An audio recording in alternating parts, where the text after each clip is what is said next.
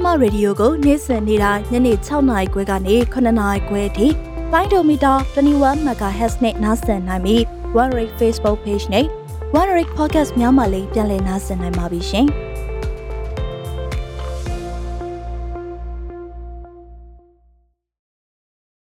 မင်္ဂလာပါရှင် မြန်မာနိုင်ငံသူနိုင်ငံသားတွေဘေးကင်းလုံခြုံပြီးစိတ်ချမ်းသာကိုကျန်းမာစွာဖြတ်သန်းနိုင်ကြပါစေလို့မြစည်းမရေဒီယိုဖွဲ့သူဖွဲ့သားတွေကဆုတောင်းမေတ္တာပို့လိုက်ရပါတယ်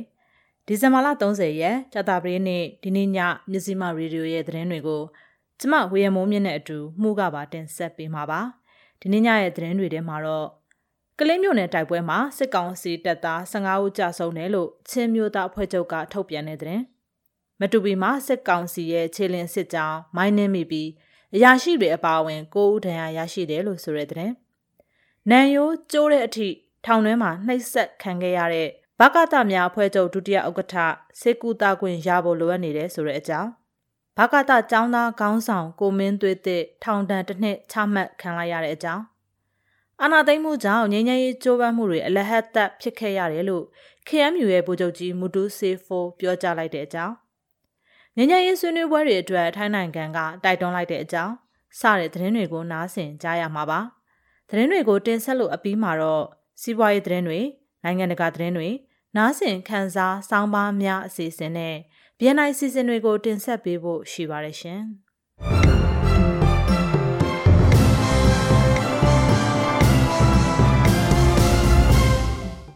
စကိုင်းတိုင်းကလေးမြို့နယ်တောင်ပိုင်းမှာ စစ်ကောင်စီတပ်နဲ့ပြည်သူ့ကာကွယ်ရေးပူးပေါင်းတပ်ဖွဲ့တွေတိုက်ပွဲဖြစ်ပွားရမှာစစ်ကောင်စီတပ်သား15ဦးကြာဆုံးတယ်လို့ချင်းမျိုးသားအဖွဲ့ချုပ်သတင်းပြန်ကြားရေးပြည်သူ့ဆက်ဆံရေးဦးစီးဌာနက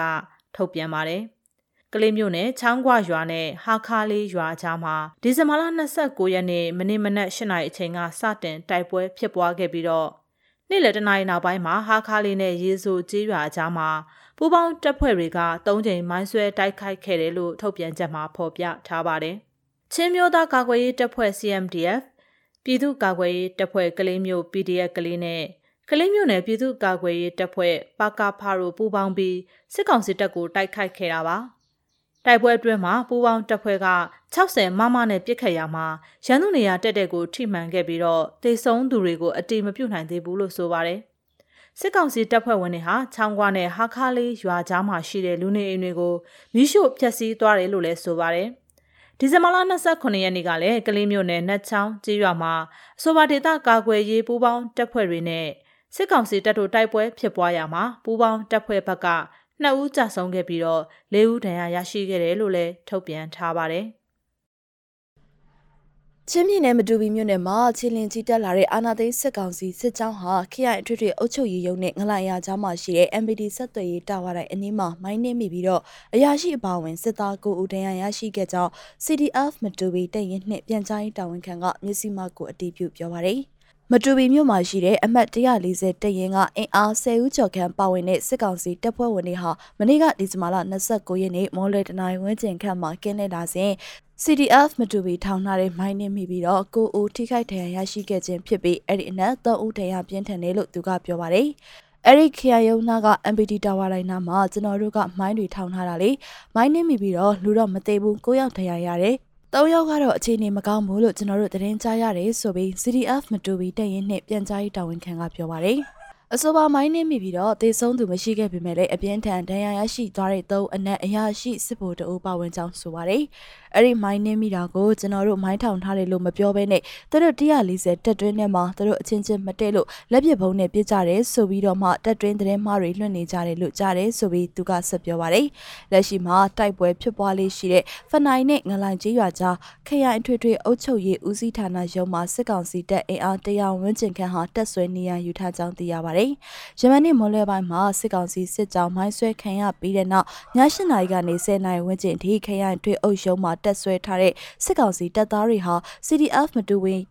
CDF မတူဘီတပ်ဖွဲ့ဝင်တွေရရှိနိုင်တဲ့နေရာတွေကိုလက်နက်ကြီးတွေနဲ့အချက်20ဝန်းကျင်ပစ်ခတ်ခဲ့ကြောင်းသိရပါတယ်။ဒါ့အပြင်အခုရက်ပိုင်းအတွင်းမတူဘီမြို့နယ်အခြေစိုက်စစ်ဗျူဟာကုန်းတပ်ရင်140အထိုင်တပ်မှငလိုင်ကြီးရွာဘက်ချံကိုလက်နက်ကြီးတွေနဲ့ပစ်ခတ်နေတာကြောင့်ဒေသခံတွေစိုးရိမ်ပြီးတော့ရွာသူရွာသားအများအပြားထွက်ပြေးတိမ်းရှောင်နေရကြောင်းလည်းဒေသခံတွေကပြောဆိုပါတယ်။ဗမာနိုင်ငံလုံးဆိုင်ရာចောင်းသားတက်မကများအဖွဲ့ချုပ်ဒုတိယဥက္ကဋ္ဌကိုဝေယံဖြိုးမိုးဟာ ထောင်တွင်းအကြမ်းဖက်ရိုက်နှက်ခံရမှုတွေကြောင့်နိုင်ရိုးကျိုးတာလေပင်နဲ့မျက်နှာမှာဒဏ်ရာတွေအပြင်းထန်ရရှိခဲ့တာကြောင့်အရေးပေါ်စစ်ကူတောက်မှုလိုအပ်နေတယ်လို့ရှေ့နေတွေထံကနေသိရပါတယ်။ကိုဝေယံဖြိုးမိုးကိုဆရာနာမသိမ့်မီကာလအတွင်းဆွဲဆိုထားတဲ့ပုံမှန်နှစ်ခုနဲ့ဒီဇင်ဘာလ29ရက်နေ့မနေ့ကအလုတ်ကျန်းတဲ့ထောင်ဒဏ်နှစ်နှစ်တလချမှတ်အပြီးအဆောင်ပြောင်းချိန်မှာအကြမ်းဖက်ရိုက်နှက်မှုတွေပြုလုပ်ခံခဲ့ရတာပါ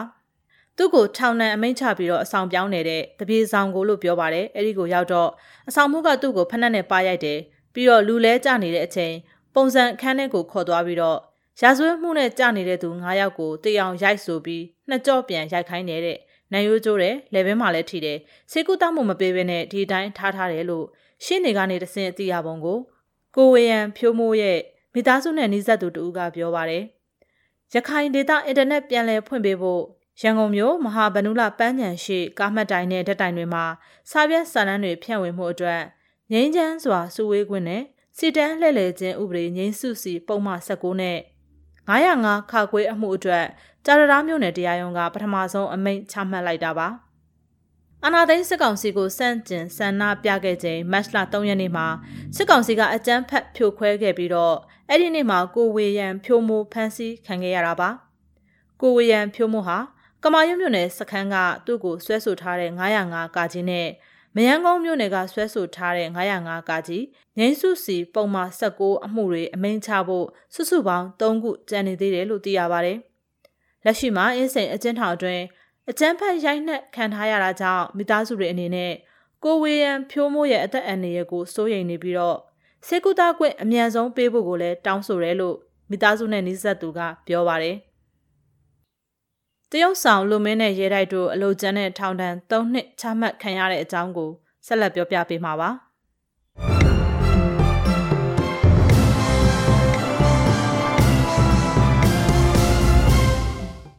တရုတ်ဆောင်လူမင်းနဲ့ရဲတိုက်တို့ကိုအင်းစိန်ထောင်နဲ့တရားရုံးကအလုတ်ကျန်းနဲ့ထောင်နဲ့3နှစ်စီဒီကနေ့မှာအမိန့်ချမှတ်လိုက်ကြောင်းသတင်းရရှိပါရယ်သူတို့ကိုစစ်ကောင်စီကအာဏာသိမ်းမှုစန့်ကျင်ရာမှာပါဝင်မှုနဲ့ရာဇသက်ကြီးဥပဒေပုံမှန်905ကာကြီးနဲ့ဖမ်းဆီးတရားစွဲဆိုခဲ့ခြင်းပဲဖြစ်ပါတယ်ရဲတိုက်အမှုကိုလိုက်ပါဆောင်ရွက်သူတရားလွှတ်တော်ရှေ့နေဦးခမောင်မြင့်ကကျွန်တော်ရှိတဲ့အချိန်ထိတော့နှစ်ယောက်ကိုအမိန့်ချမှတ်ပြီးပါပြီကိုရဲတိုက်နဲ့ကိုလူမင်းမှာအလုတ်ကျန်းနဲ့ထောင်နဲ့3နှစ်ချပါတယ် ချုပ်ရက်ကိုတော့ပြစ်ဒဏ်ကနေထုတ်နှုတ်ခန်းစားခွင့်ပြုပါတယ်ဆိုပြီးအေယာဝတီကိုပြောပါတယ်အလားတူဒီကနေ့မှာကျောင်းသားခေါင်းဆောင်တွေဖြစ်ကြတဲ့ကိုအေးအောင်ဟာပုံမှန်905ကကြီးနဲ့ထောင်ဒဏ်3နှစ်ချမှတ်ခံရတယ်လို့ကိုမင်းသွေးတစ်ကလည်းရေအနေရကင်းရှိရေးနဲ့မော်တော်ယာဉ်စီမံခန့်ခွဲမှုဥပဒေပုံမှန်95နဲ့ထောင်ဒဏ်တစ်နှစ်ချမှတ်ခံခဲ့ရပါတယ်အာနာသိမ့်ပြီးနောက်အစောဆုံးဖမ်းဆီးထိန်းသိမ်းခံခဲ့ရတဲ့ဗမာနိုင်ငံလုံးဆိုင်ရာចောင်းသားတက်မကများအဖွဲ့ချုပ် ဘကတចောင်းသားခေါင်းဆောင်ကိုမင်းသွေးတစ်ဟာမော်တော်ယာဉ်နဲ့ယာဉ်အနေနဲ့ကင်းရှင်းရေးဆိုင်ရာဥပဒေပုံမှန်65နဲ့ဒီဇင်ဘာလ30ရက်နေ့ဒီနေ့မှာထောင်ဒဏ်တစ်နှစ်အမိန့်ချမှတ်ခံခဲ့ရပါတယ်။သူကိုတန်လင်မြို့နယ်တရားရုံးကချုပ်ရက်ခံစားခွင့်နဲ့ထောင်ဒဏ်တစ်နှစ်အပိသက်အမိန့်ချမှတ်လိုက်တာဖြစ်တယ်လို့အမှုကိုလိုက်ပါဆောင်ရွက်ပေးနေတဲ့ရှင်းနေတော်ငိမ့်ငိမ့်ကမြစည်းမကိုပြောပါတယ်။သူကမော်တော်ယာဉ်နဲ့ရန်နေရကင်းရှင်းရေးဆိုင်ရာဥပဒေနဲ့တရားစွဲဆိုထားတာ အဲ့ဒါကိုဒီနေ့မှတစ်နှစ်အမိန့်ချလိုက်ပါတယ်ဒီပုံမှတစ်ခုတည်းနဲ့ဆွဲထားတာပါတခြားမရှိဘူးလို့သူကဆိုပါတယ်ကွန်မင်းသွေးတစ်တရားစွဲဆိုခံထားရတဲ့မော်တော်ယာဉ်နဲ့ရန်နေကင်းရှင်းရေးဆိုင်ရာဥပဒေပုံမှ65ဟာအမြင့်ဆုံးပြစ်ဒဏ်ထောင်ဒဏ်3နှစ်အထိချမှတ်နိုင်ပြီးတော့အလုတ်ကျမ်းမပါဘဲထောင်ဒဏ်တစ်နှစ်ချမှတ်ခဲ့တာဖြစ်ပါတယ်ချုပ်ရခန်းစားခွင့်ပါဝင်တဲ့အတွက်လာမယ့်3လမှာပြန်လည်လွတ်မြောက်နိုင်မယ်လို့ရှင်းနေကပြောပါတယ်ကိုမင်းသွေးတစ်ဟာစစ်တပ်အာဏာသိမ်းပြီးချိန်ဖေဖော်ဝါရီ၁ရက်နေ့က ဖမ်းဆီးထိန်းသိမ်းခံခဲ့ရတာဖြစ်ပြီးတော့ရင်းစိန်အကျဉ်းထောင်အတွင်းမှာ COVID-19 ရောဂါကူးစက်ခံခဲ့ရပေမဲ့လည်းလက်ရှိမှာတော့ကျန်းမာရေးကောင်းမွန်နေတယ်လို့သိရပါတယ်။ဒါအပြင်စစ်တပ်အာဏာသိမ်းပြီးနောက်ဖမ်းဆီးထိန်းသိမ်းခံထားရတဲ့တရုတ်ဆောင်လူမင်းရဲတိုက်တို့ကိုလည်းချုပ်ရက်ခန်းစားခွင့်နဲ့ထောင်ဒဏ်3နှစ်ထောင်တွင်းတရားအောင်ကဒီနေ့မှအမိန့်ချခဲ့ပါတယ်။ NLD ပါတီရဲ့ပြောခွင့်ရသူဒေါက်တာမျိုးညွန့်ကိုလည်း ထောင်ဒဏ်2နှစ်နဲ့ဦးအေးအောင်ကိုအလုတ်ကျမ်းမပါဘဲထောင်ဒဏ်3နှစ်ဒီနေ့မှာစစ်ကောင်စီလက်အောက်ခံတရားရုံးတွေကအသီးသီးအမိတ်ချမှတ်လိုက်တယ်လို့လည်းတရားရုံးနဲ့နှီးစပ်တဲ့အတိုင်းဝိုင်းထံကနေသိရပါဗျ။အာနာသိမ့်မှုကြောင့်ကရင်အမျိုးသားအစည်းအရုံး KMU ရဲ့ငញ្ញရေးကြိုးပမ်းမှုတွေဟာအလဟတ်သက်ဖြစ်ခဲ့ရတယ်လို့ KMU ရဲ့ဥက္ကဋ္ဌဗိုလ်ချုပ်ကြီးစောမူတူစေဖိုးကပြောကြားလိုက်ပါတယ်ဇန်နဝါရီ2ရက်နေ့မှာကြာရောက်မဲ့2962ခုနှစ် ကရင်အမျိုးသားနှစ်သက်ကူနေအခမ်းအနားအတွက်ပေးပို့တဲ့တဝန်လွှာမှာအဲ့ဒီလိုရေးသားလိုက်တာပါပြီးခဲ့တဲ့ကာလတွေအတွင်း KMU ဟာနိုင်ငံရေးပါတီတွေတိုင်းရင်းသားလက်နက်ကိုင်အဖွဲ့တွေနဲ့ပြည်သူလူထုအားလုံးပူးပေါင်းပြီးအပြစ်အခတ်ရစဲရေးဒဏ်နုညီရေးကိုပိုင်ပြဋ္ဌာန်းခွင့်ရှိတဲ့ Federal Democracy ပြည်ထောင်စုတည်ဆောက်နိုင်ရေးအတွက်ရင်းနှီးလုပ်ကင်ခဲ့တယ်လို့ဆိုထားပါတယ်။ဒါပေမဲ့ဆီယနာရှင်တွေအနေနဲ့နိုင်ငံရေးပြဿနာကိုမှန်ကန်တဲ့စိတ်စေတနာနဲ့ဖြည့်ရှင်းလို့စိတ်ကင်းဝေးနေသမျှ တွစ်ဆုံဆွေးနွေးရေးနဲ့ပြည်တွင်းငြိမ်းချမ်းရေးတည်ဆောက်မှုတွေဖြစ်ပေါ်တိုးတက်လာနိုင်မှာမဟုတ်ဘူးလို့ဆိုပါတယ်။စကိုင်းတိုင်းအတွင်းမှာရှိတဲ့6ဦးအမြင့်လမ်းပိုင်းကိုဒီကနေ့ဒီဇင်ဘာလ30ရက်နေ့မနက်ပိုင်းကနေစတင်ပြီးတော့အသုံးမပြုကြဖို့ဒေသခံကာကွယ်ရေးတပ်ဖွဲ့ကထုတ်ပြန်ထားပါတယ်။ ဒီကနေ့ကနေစပြီးမသုံးဖို့ပိတ်လိုက်တာပါပြည်သူတွေရှိနေရင်ကျွန်တော်တို့လှုပ်ရှားရှိတာတွေလှုပ်လို့မရပဲနေမှာဆိုလို့ကျမ်းမာရေးကိစ္စရှိရင်တခြားလမ်းလွှဲတွေကပဲသွားပေးပါမှုံရအမြင့်လမ်းနဲ့တောလမ်းတွေရှိတဲ့အဲ့ဒီလမ်းတွေကသွားပေးကြပါလို့ Child Revolution အဖွဲ့ကပြောပါတယ်နောက်ထပ်ထုတ်ပြန်ချက်တစုံတရာမထုတ်မပြန်မချင်း6ဦးအမြင့်လမ်းအသုံးမပြုရန်နဲ့ကျမ်းမာရေးကိစ္စရှိပါကလမ်းလွှဲတွေကိုအသုံးပြုပေးဖို့ထုတ်ပြန်ထားပါတယ် လာတို့ပဲခေဆက်ဆက်အုပ်ချုပ်သူတွေဟာနိုင်ငံရေးဆန္ဒနဲ့ကောင်းမွန်တဲ့နိုင်ငံရေးအတွေးအမြင်မရှိခဲ့ကြဘူးလို့လည်းဗိုလ်ချုပ်ကြီးစောမူတူဆေးဖို့ကပြောပါတယ်။ဒါကြောင့်နိုင်ငံတဝမ်းမှာရှိတဲ့ပြည်သူတွေအထူးသဖြင့်မျိုးဆက်သစ်လူငယ်တွေကပဂတိအခြေအနေနဲ့ဖြစ်ရမှန်တွေကိုနားလည်ပြီးတော့လက်နက်ကင်တော်လှန်နေကြတာကိုတွေ့နေရပြီလို့တဝန်လွှာမှာရေးသားထားပါတယ်။မိမိကိုယ်ကိုကရင်အမျိုးသားကရင်အဖွဲ့အစည်းလို့ခံယူထားသူတွေအနေနဲ့လည်းမိမိတို့အမျိုးသားရေးအနာဂတ်ဘဝရှင်သန်ရေးနဲ့ ဖွံ့ဖြိုးတိုးတက်ရေးတွေအတွက်ကြိုးပမ်းအားထုတ်ရမယ်လို့လည်းသူကပြောထားပါတယ်။ကရင်မျိုးသားတွေအနေနဲ့အတင်းအဓမ္မလောက်ယူခံထားရတဲ့အခွင့်အရေးတွေကိုပြန်လည်ရယူပြီးတော့အမျိုးသားများဖွံ့ဖြိုးတိုးတက်ရေးကိုအတားအဆီးဖြစ်နေတဲ့မတရားတဲ့နိုင်ငံရေးစနစ်တွေကိုတွန်းလှန်တိုက်ဖြတ်ရမယ်လို့လည်းပြောဆိုထားပါတယ်။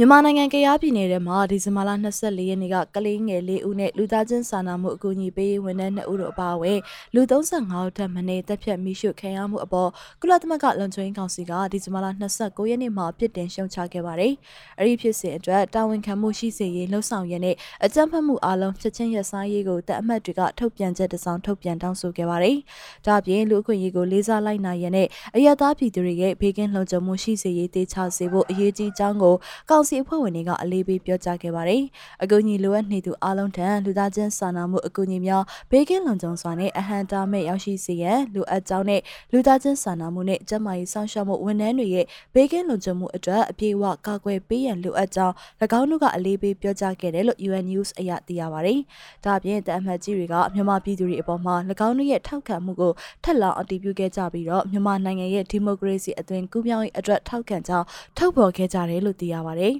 ကရားပြည်နယ်ဖြစ်စဉ်မှာအသက်18နှစ်အရွယ်ယောက်ျားလေး2ဦးဆယ်ကျော်သက်မိန်းကလေး2ဦးနဲ့အသက်9နှစ်ခန့်အရွယ်ကလေးငယ်2ဦးတို့အပါအဝင်ကလေး4ဦးလည်းအသက်ခံခဲ့ရတယ်လို့ခိုင်လုံသောသတင်းတွေမှာဖော်ပြထားကြောင်းကုလလုံခြုံရေးကောင်စီကထုတ်ပြန်ပြောဆိုပါရယ်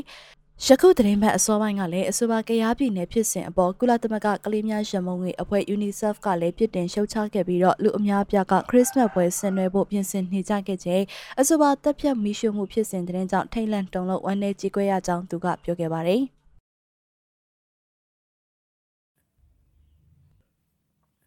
နယ်စပ်တစ်လျှောက်မှာဖြစ်ပွားနေတဲ့ပြည်တွင်းတိုင်းရင်းသားလက်နက်ကိုင်ပြည်ပခါတွေကိုငြင်းချမ်းစွာဖြည့်ရှင်းရေးအတွက် နီလန်းရှာဖွေကြဖို့မြန်မာနိုင်ငံကသက်ဆိုင်သူအားလုံးကို ထိုင်းနိုင်ငံသားရေးဝန်ကြီးဌာန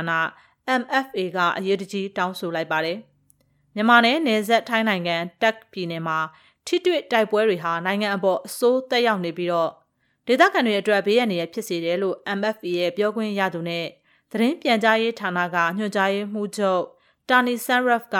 ဒီဇင်ဘာ29ရက်နေ့ကပြောပါတယ်။ငញ្ញရေးစစ်ဆက်ညှိနှိုင်းမှုတွေကတဆင့်ဖြစ်နိုင်သမျှမြန်မြန် ကင်တွယ်ဖြည့်ရှင်းကြဖို့ပါဝင်သူအဖွဲ့အစည်းတိုင်းကိုလည်းထိုင်းနိုင်ငံကတိုက်တွန်းထားပါတယ်။လူသားချင်းစာနာထောက်ထားရေးအရာမြန်မာဒုက္ခသည်တွေကိုကူညီထောက်ပံ့ရေးအတွက်အာဏာပိုင်တွေဟာတက်ပြည်နယ်ကဒေသခံတွေနဲ့ပူးပေါင်းဆောင်ရွက်လျက်ရှိနေတယ်လို့လည်းတာနီဆန်ရက်ကဆိုပါတယ်။အချက်အတဲကိုဖြည့်ရှင်းဖို့အတွက်မြန်မာနိုင်ငံကိုကူညီနေတဲ့ဘရူနိုင်းနဲ့ကမ္ဘောဒီးယားတို့ရဲ့ကြိုးပမ်းအားထုတ်မှုကိုလည်းထိုင်းနိုင်ငံကထောက်ခံလျက်ရှိတယ်လို့ပြောပါတယ်။ မြန်မာအာဏာသိမ်းမှုကိုစန့်ကျင်တဲ့ဒေသခံလူနည်းစုအုပ်စုနဲ့ဖြစ်ပွားနေစေတိုက်ပွဲတွေမှာအိန္ဒိချင်းမြန်မာနိုင်ငံကတပ်ဖွဲ့တွေနဲ့ထိုင်းစစ်တပ်ဟာချိတ်ဆက်ညှိနှိုင်းမှုမရှိသလိုမျိုးတိုက်ပွဲတွေဖြစ်ပွားရာနယ်စပ်ကလည်းထွက်သွားကြဖို့ပြောဆိုထားတာမရှိဘူးလို့လည်းတာဝန်ရှိသူတွေကဆိုပါတယ်။ဒါပေမဲ့လက်နက်ကင်တိုက်ပွဲတွေထိုင်းပိုင်တဲ့အတွင်းကိုလွင့်စင်မလာရေးအတွက်လည်းမြန်မာစစ်တပ်ကိုထိုင်းအာဏာပိုင်တွေကသတိပေးထားတယ်လို့ဗိုလ်မှူးချုပ်ပရာဆန်ကပြောပါတယ်။ နေဆက်နီးမြရီကအခြေအနေဟာပြီးခဲ့တဲ့24နာရီအတွင်းမှာအပြန်အလှန်ပစ်ခတ်မှုတွေစတင်အားပြော့လာခဲ့တယ်လို့လည်းတာဝန်ရှိသူတွေကပြောခဲ့ပါတယ်။ပြည်တွင်းသတင်းတွေကိုတင်ဆက်လုပ်ပြီးပါပြီ။အခုဆက်လက်နားဆင်ရမှာကတော့စီးပွားရေးသတင်းတွေပါ။စီးပွားရေးသတင်းတွေကိုမမီယူကတင်ဆက်ပေးမှာပါရှင်။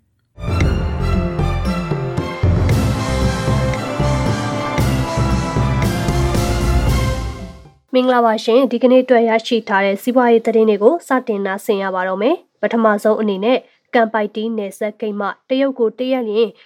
တစ်ရှူးငပြောကအစီးတရာအထိပို့ခွင့်ရရှိပြီဆိုတဲ့သတင်းကိုနားဆင်ရမှာပါတရုတ်နိုင်ငံရဲ့မဟာဗျူဟာမြောက်အခြေခံအဆောက်အအုံစီမံကိန်းရပ်ဝန်းနဲ့လမ်းအစီအစဉ် BRI ရဲ့အစိတ်အပိုင်းဖြစ်တဲ့တရုတ်မြန်မာကုံသွယ်ရေးကံပိုက်တီးမြို့နယ်ဆက်ကုံသွယ်ရေးစခန်းကနေတစ်ရှူးငပြောကို တရက်လျင်အစီးတရာအထိပို့ခွင့်ရရှိပြီလို့သိရပါတယ်။ကိုဗစ်ကြောင့်ဇွန်လ17ရက်နေ့မှာပိတ်ထားခဲ့တဲ့ကံပိုက်တီးနယ်ဆက်ဂိတ်ကိုဒီဇင်ဘာလ18ရက်နေ့ကတနေ့ကိုတစ်ရှူးငပြောကားအစီးရေ30နဲ့ဆန့်သက်ပြီးတော့ပြန်ဖွင့်ရမှာကိုဗစ်နဲ့ပတ်သက်တဲ့ကူးစက်ပြန့်ပွားမှုတွေမရှိတာကြောင့်ကားအစီးရေတိုးလိုက်တာပါ။ ပြီးခဲ့တဲ့ဒီဇင်ဘာလ24ရက်နေ့မှာတရုတ်ပြည်ပဆက်ဆံရေးဌာနကကားအစီရေ100အထိပို့ခွင့်ပြုတယ်ဆိုပြီးလဲအကြောင်းကြားလာခဲ့တာဖြစ်ပါတယ်ဒီလိုမျိုးစမ်းသပ်ကာလအပြီးကားအစီရေထပ်တိုးတာဆောင်ရွက်ပြီးရင်အခြားကုန်ပစ္စည်းတွေဖြစ်တဲ့ပြောင်းဖရဲသည်ရော်ဘာအစရှိတာတွေကိုလည်းထပ်တင်ပို့ခွင့်ရမှာဖြစ်ပြီးသွင်းကုန်အနေနဲ့ဆိုရင်တော့ပြည်လက်မြေဆောက်လုပ်ရေးသုံးပစ္စည်းလူသုံးကုန်အိမ်သုံးကုန်ပစ္စည်းအစ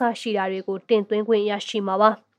ကမ်ပိုက်တီနယ်ဆက်ကုံသွယ်ရေးစခန်းကို2003ခုနှစ်ဒီဇင်ဘာလမှာစတင်ဖွင့်လှစ်ခဲ့တာဖြစ်ပြီး2006ခုနှစ်ဇွန်လတတိယအပတ်မှာတော့ရှာရီပိတ်သိမ်းခဲ့ရပါတယ်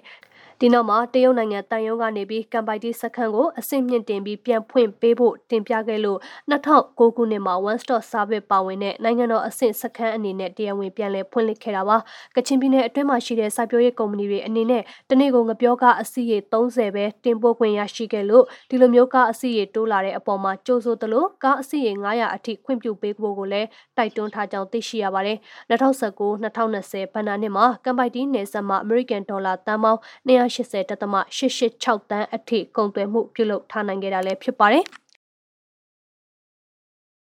ဆလနာစီယာမှာကတော့ဒေါ်လာတန်း900ရှင်းနှိမ့်မြုံနှံမဲ့ကလဒန်စီမံကိန်းကိုမြန်မြန်ဆန်ဆန်အကောင့်ထဲပေါ်ဖို့အိန္ဒိယနိုင်ငံသားရဲ့အတွင်းဝင်ကမြန်မာပြည်ခရီးစဉ်အတွင်းကတိပြုခဲ့တဲ့သတင်းကိုနားဆင်ရမှာပါကလဒန်ပတ်စုံသုံးစီမံကိန်းကိုမြန်ဆန်စွာအကောင့်ထဲပေါ်ဖို့အိန္ဒိယအစိုးရနိုင်ငံသားရဲ့အတွင်းဝင်ကမြန်မာပြည်ခရီးစဉ်အတွင်းတာဝန်ရှိသူတွေနဲ့တွေ့ဆုံစဉ်မှာကတိပြုပြောကြားခဲ့တယ်လို့သိရှိရပါတယ်ကလဒန်ဘတ်စုံသုံးဖြတ်တန်းတည်ယူပို့ဆောင်ရေးစီမံကိန်းကို American ဒေါ်လာတန်း900ခန့်ရှင်းနှိမ့်မြုံနှံပြီးအိန္ဒိယမြန်မာနိုင်ငံကြားဆောင်ရွက်နေတာပါစီမံကိန်းစတင်နိုင်ဖို့အိန္ဒိယအစိုးရဘက်က2002ခုနှစ်ကတည်းကစတင်ဆောင်ရွက်နေတာဖြစ်ပြီးနှစ်နိုင်ငံကြားတရားဝင်သဘောတူလက်မှတ်ရေးထိုးခြင်းကိုတော့2008ခုနှစ်မှာပြုလုပ်ခဲ့ပါတယ် NLD အစိုးရလက်ထက်နိုင်ငံတော်သမ္မတရဲ့အိန္ဒိယခရီးစဉ်အတွင်းနှစ်နိုင်ငံနယ်စပ်ဒေသဖွံ့ဖြိုးရေးအတွက်ကုန်သွယ်ရေးလမ်းကြောင်းတွေဖောက်လုပ်မှုကိုဆက်လက်ဆောင်ရွက်ဖို့ MOU 10ခုအထိသဘောထားရေးထိုးခဲ့ပါတယ်။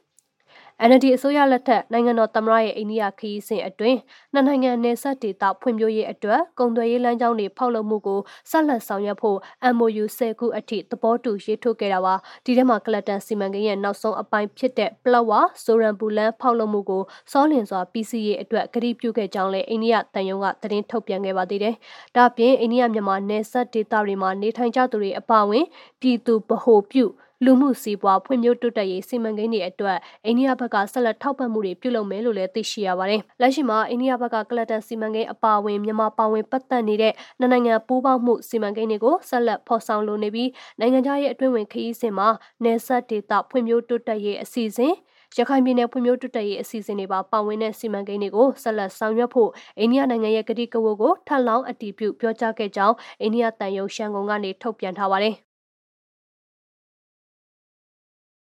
ဆလနာဆင်ယာမှာကတော့ဝန်တိန်နဲ့စက်ကိတ်မှတလအတွင်းကိုရွှန်တန်း200ခန့်ကုန်သွယ်နိုင်ခဲ့ပေမဲ့ပြောင်းလဲလိုက်တဲ့ကုန်စည်ပို့ဆောင်မှုစနစ်ကြောင့်ကုန်ကျစရိတ်မြင့်မားနေတဲ့တဲ့တင်ကိုနားဆင်ရမှာပါတရုတ်ဆိုရဟာ COVID-19 ကရောဂါအကြောင်းပြပြီးတော့ပိတ်ထားခဲ့ရတဲ့ဝန်တိန်နဲ့စက်ကိတ်ကိုနိုဝင်ဘာလ26ရက်နေ့ကစတင်ဖွင့်လှစ်ပြီးတဲ့နောက်တလအတွင်းမှာပို့ကုန်သွင်းကုန်ပမာဏရွှန်ငွေတန်း200ခန့်ကုန်သွယ်နိုင်ကြောင်းမြန်မာနိုင်ငံဆိုင်ရာတရုတ်တန်ယုံကဖော်ပြထားပါတယ် ဒီနယ်စပ်ကိတ်မှာတရက်ကိုပြန်မြမော်တော်ယာဉ်အစီးရေ40ခန့်အဝင်အထွက်ပြုလုပ်လျက်ရှိတာဖြစ်ပြီးဒီအချိန်ထိကိုအဝင်အထွက်မော်တော်ယာဉ်အစီးရေ1000ကျော်သွားပြီလို့သိရပါတယ်။ကုန်စည်တည်ယူပို့ဆောင်မှုစုစုပေါင်းပမာဏဟာတော့တန်ချိန် 3000ကျော်ထိရှိတာဖြစ်ပြီးပို့ကုန်သွင်းကုန်စုစုပေါင်းပမာဏတရုတ်ယွမ်ငွေတန်း200ခန့်ရှိတယ်လို့လည်းတန်ယုံကဆိုပါတယ်။ဝန်နေကိတ်ဟာတရုတ်မြန်မာနယ်စပ်ကုန်သွယ်မှုရဲ့ကုန်လမ်းကြောင်းဖြစ်ပြီးအရင်ကတော့ရှင်နေနဲ့နယ်စပ်ဖြတ်ကျော်တည်ယူပို့ဆောင်ခြင်းကနေကိုဗစ်ကာလကုန်သွယ်မှုပုံစံဖြစ်တဲ့ကွန်တိန်နာအသုံးပြုအတင်အချပြုလုပ်တဲ့ပုံစံနဲ့ပြောင်းလဲပို့ဆောင်နေရပါ။ ရှင်မောင်းနေနဲ့ကိုနေနာရင်ကိုတိတက်လွှဲပြောင်းတဲ့စင်တာအထိကိုမောင်းနှင်ပြီး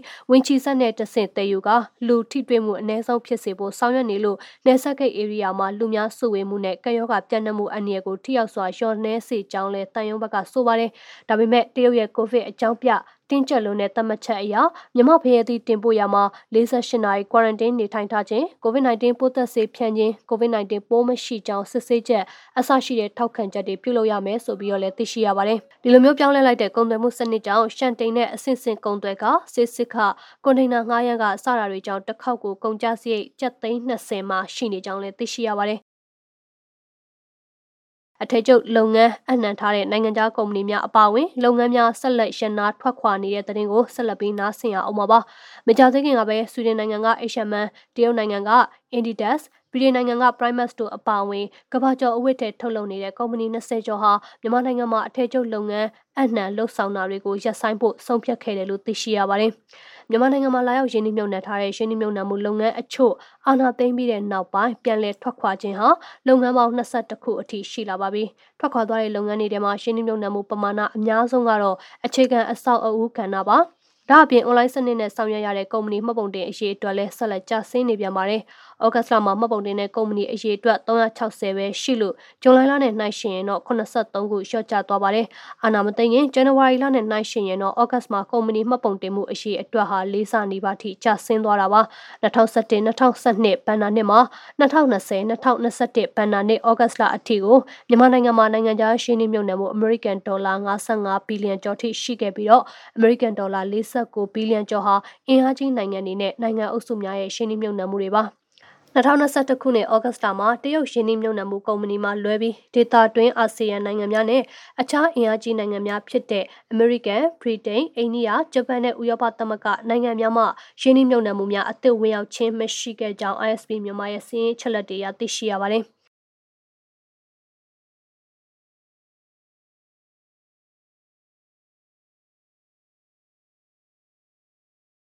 အ ਨੇ ဆုံးအခချင်းငွေလောက်ခ4800ကျပ်သားဖြစ်ပြီးငွေနှုံးထားပြန်လည်သုံးသက်ပြင်ဆင်ရေးလုပ်ငန်းတွေကိုခိတ္တဆိုင်ငံ့ထားကြောင်းအတိပေးထုတ်ပြန်ထားတဲ့သတင်းကိုဆက်လက်နားဆင်ရအောင်ပါ။အ ਨੇ ဆုံးအခချင်းငွေလောက်ခဟာအလုတ်ချိန်တရက်8နာရီနှုန်း4800ကျပ်သားဖြစ်တဲ့ဆိုပြီးစစ်ကောင်စီရဲ့အလို့သမားဝင်ကြီးဌာနကဒီဇင်ဘာလ29ရက်ရက်စွဲနဲ့အတိပေးထုတ်ပြန်ထားပါတယ်။ လူမှုကွန်ရက်တွေမှာအ ਨੇ ဆုံးလောက်ခချင်းငွေတရက်ကို3600ကျပ်နှုန်းရှော့ချသတ်မှတ်လိုက်ကြောင်းကောလာဟာလာတွေထွက်ပေါ်နေလို့လောက်ခလာစာပြင်ဆင်ထားခြင်းမရှိဘူးဆိုပြီးလည်းပြန်လည်ရှင်းလင်းတာဖြစ်ပါတယ်။ အနည်းဆုံးအခကျင်းငွေကိုဥပဒေအရနှစ်နှစ်ကိုတစ်ကြိမ်တိုးမြင့်ပြင်ဆင်ခြင်းပြန်လည်အတည်ပြုခြင်းတို့ဆောင်ရွက်ရမှာဆိုပေမဲ့ COVID-19 ဖြစ်ပွားနေခြင်းနဲ့ယောဂကုသမှုအန္တရာယ်ကြောင့်နေဆက်ကုန်သွယ်ရေးဂိတ်တွေပိတ်ထားရလို့ကုန်စည်စီးဆင်းမှုရပ်တန့်ခြင်းတွေကြောင့်စက်ရုံအလုပ်ရုံအချုပ်ပိတ်သိမ်းခြင်းအင်အားလျှော့ရခြင်းတွေဖြစ်နေပြီးအနည်းဆုံးအခကျင်းငွေနှုတ်ထားပြန်လည်သုံးသပ်ပြင်ဆင်ရေးလုပ်ငန်းတွေကိုခိတ္တဆိုင်းငံ့ထားတယ်လို့ဆိုပါတယ်။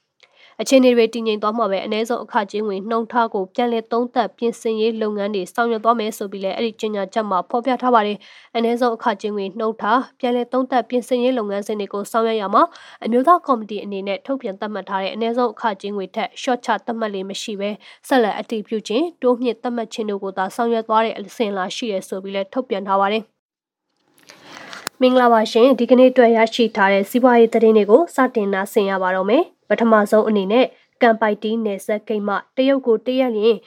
တစ်ရှူးငပြောကအစီးတရာအထိပို့ခွင့်ရရှိပြီဆိုတဲ့သတင်းကိုနားဆင်ရမှာပါတရုတ်နိုင်ငံရဲ့မဟာဗျူဟာမြောက်အခြေခံအဆောက်အအုံစီမံကိန်းရပ်ဝန်းနဲ့လမ်းအစီအစဉ် BRI ရဲ့အစိတ်အပိုင်းဖြစ်တဲ့တရုတ်မြန်မာကုန်သွယ်ရေးကံပိုက်တီးမြို့နယ်ဆက်ကုန်သွယ်ရေးစခန်းကနေတစ်ရှူးငပြောကိုတ ရက်လျင်အစီးတရာအထိပို့ခွင့်ရရှိပြီလို့သိရပါတယ်။ကိုဗစ်ကြောင့်ဇွန်လ17ရက်နေ့မှာပိတ်ထားခဲ့တဲ့ကံပိုက်တီးနယ်ဆက်ဂိတ်ကိုဒီဇင်ဘာလ18ရက်နေ့ကတနေ့ကိုတစ်ရှူးငပြောကားအစီးရေ30နဲ့ဆန့်သက်ပြီးတော့ပြန်ဖွင့်ရမှာကိုဗစ်နဲ့ပတ်သက်တဲ့ကူးစက်ပြန့်ပွားမှုတွေမရှိတာကြောင့်ကားအစီးရေတိုးလိုက်တာပါ။ ပြီးခဲ့တဲ့ဒီဇင်ဘာလ24ရက်နေ့မှာတရုတ်ပြည်ပဆက်ဆံရေးဌာနကကားအစီးရေ100အထိပို့ခွင့်ပြုတယ်ဆိုပြီးလဲအကြောင်းကြားလာခဲ့တာဖြစ်ပါတယ်ဒီလိုမျိုးစမ်းသပ်ကာလအပြီးကားအစီးရေထပ်တိုးတာဆောင်ရွက်ပြီးရင်အခြားကုန်ပစ္စည်းတွေဖြစ်တဲ့ပြောင်းဖရဲသည်ရောဘာအစရှိတာတွေကိုလည်းထပ်တင်ပို့ခွင့်ရမှာဖြစ်ပြီးသွင်းကုန်အနေနဲ့ဆိုရင်တော့ပြည်လက်မြေဆောက်လုပ်ရေးသုံးပစ္စည်းလူသုံးကုန်အိမ်သုံးကုန်ပစ္စည်းအစရှိတာတွေကိုတင်သွင်းခွင့်ရရှိမှာပါ ကမ်ပိုက်တီးနယ်ဆက်ကုန်သွယ်ရေးစခန်းကို2003ခုနှစ်ဒီဇင်ဘာလမှာစတင်ဖွင့်လှစ်ခဲ့တာဖြစ်ပြီး2006ခုနှစ်ဇွန်လတတိယအပတ်မှာတော့ရှာရီပိတ်သိမ်းခဲ့ရပါတယ်။ဒီနောက်မှာတရုတ်နိုင်ငံတန်ယုံကနေတဆင့်ကမ်ပိုက်တီးစခန်းကိုအဆင့်မြင့်ပြီး ဒီနောက်မှာတရုတ်နိုင်ငံတန်ယုံကနေပြီးကမ်ပိုက်တီစခန်းကိုအဆင့်မြင့်တင်ပြီးပြန်ဖွင့်ပေးဖို့တင်ပြခဲ့လို့2009ခုနှစ်မှာ One Stop Service ပါဝင်တဲ့နိုင်ငံတော်အဆင့်စခန်းအနေနဲ့တရားဝင်ပြန်လည်ဖွင့်လှစ်ခဲ့တာပါကချင်ပြည်နယ်အတွင်းမှာရှိတဲ့စိုက်ပျိုးရေးကုမ္ပဏီတွေအနေနဲ့တနေ့ကိုငပြောကအစီရေ30ပဲတင်ပို့ခွင့်ရရှိခဲ့လို့ဒီလိုမျိုးကားအစီရေတိုးလာတဲ့အပေါ်မှာကြိုးဆိုသလိုကားအစီရေ900အထိခွင့်ပြုပေးဖို့ကိုလည်းတိုက်တွန်းထားကြောင်းသိရှိရပါတယ်2019-2020ဘဏ္ဍာနှစ်မှာကမ်ပိုက်တီနယ်စပ်မှာ American ဒေါ်လာတန်ပေါင်း280.886တန်းအထိကုန်သွယ်မှုပြုလုပ်ထားနိုင်ခဲ့တာလည်းဖြစ်ပါတယ်။ဆလနာဆီယာမှာကတော့ဒေါ်လာတန်း900ရှင်းနှိမ့်မြုံနမဲ့ကလဒန်စီမံကိန်းကိုမြန်မြန်ဆန်ဆန်အကောင့်ထဲပေါ်ဖို့အိန္ဒိယနိုင်ငံသားရဲ့အတွင်းဝင်ကမြန်မာပြည်ခရီးစဉ်အတွင်းကတိပြုခဲ့တဲ့တရင်ကိုနားဆင်ရမှာပါကလဒန်ပတ်စုံသုံးစီမံကိန်းကိုမြန်ဆန်စွာအကောင့်ထဲပေါ်ဖို့အိန္ဒိယအစိုးရနိုင်ငံသားရဲ့အတွင်းဝင်ကမြန်မာပြည်ခရီးစဉ်အတွင်းတာဝန်ရှိသူတွေနဲ့တွေ့ဆုံစဉ်မှာကတိပြုပြောကြားခဲ့တယ်လို့သိရှိရပါတယ်။ ကလတန်ဘတ်စုံ3ဖြတ်တန်းတည်ယူပို့ဆောင်ရေးစီမံကိန်းကိုအမေရိကန်ဒေါ်လာတန်း900ခန့်ရှင်းနှမြုပ်နှံပြီးအိန္ဒိယမြန်မာနိုင်ငံကြားဆောင်ရွက်နေတာပါစီမံကိန်းစတင်နိုင်ဖို့အိန္ဒိယအစိုးရဘက်က2002ခုနှစ်ကတည်းကစတင်ဆောင်ရွက်နေတာဖြစ်ပြီးနှစ်နိုင်ငံကြားတရားဝင်သဘောတူလက်မှတ်ရေးထိုးခြင်းကိုတော့2008ခုနှစ်မှာပြုလုပ်ခဲ့ပါတယ် NLD အစိုးရလက်ထက်နိုင်ငံတော်သမ္မတရဲ့အိန္ဒိယခရီးစဉ်အတွင်းနှစ်နိုင်ငံနယ်စပ်ဒေသဖွံ့ဖြိုးရေးအတွက်ကုန်သွယ်ရေးလမ်းကြောင်းတွေဖောက်လုပ်မှုကိုဆက်လက်ဆောင်ရွက်ဖို့ MOU 10ခုအထိသဘောထားရေးထိုးခဲ့ပါတယ်။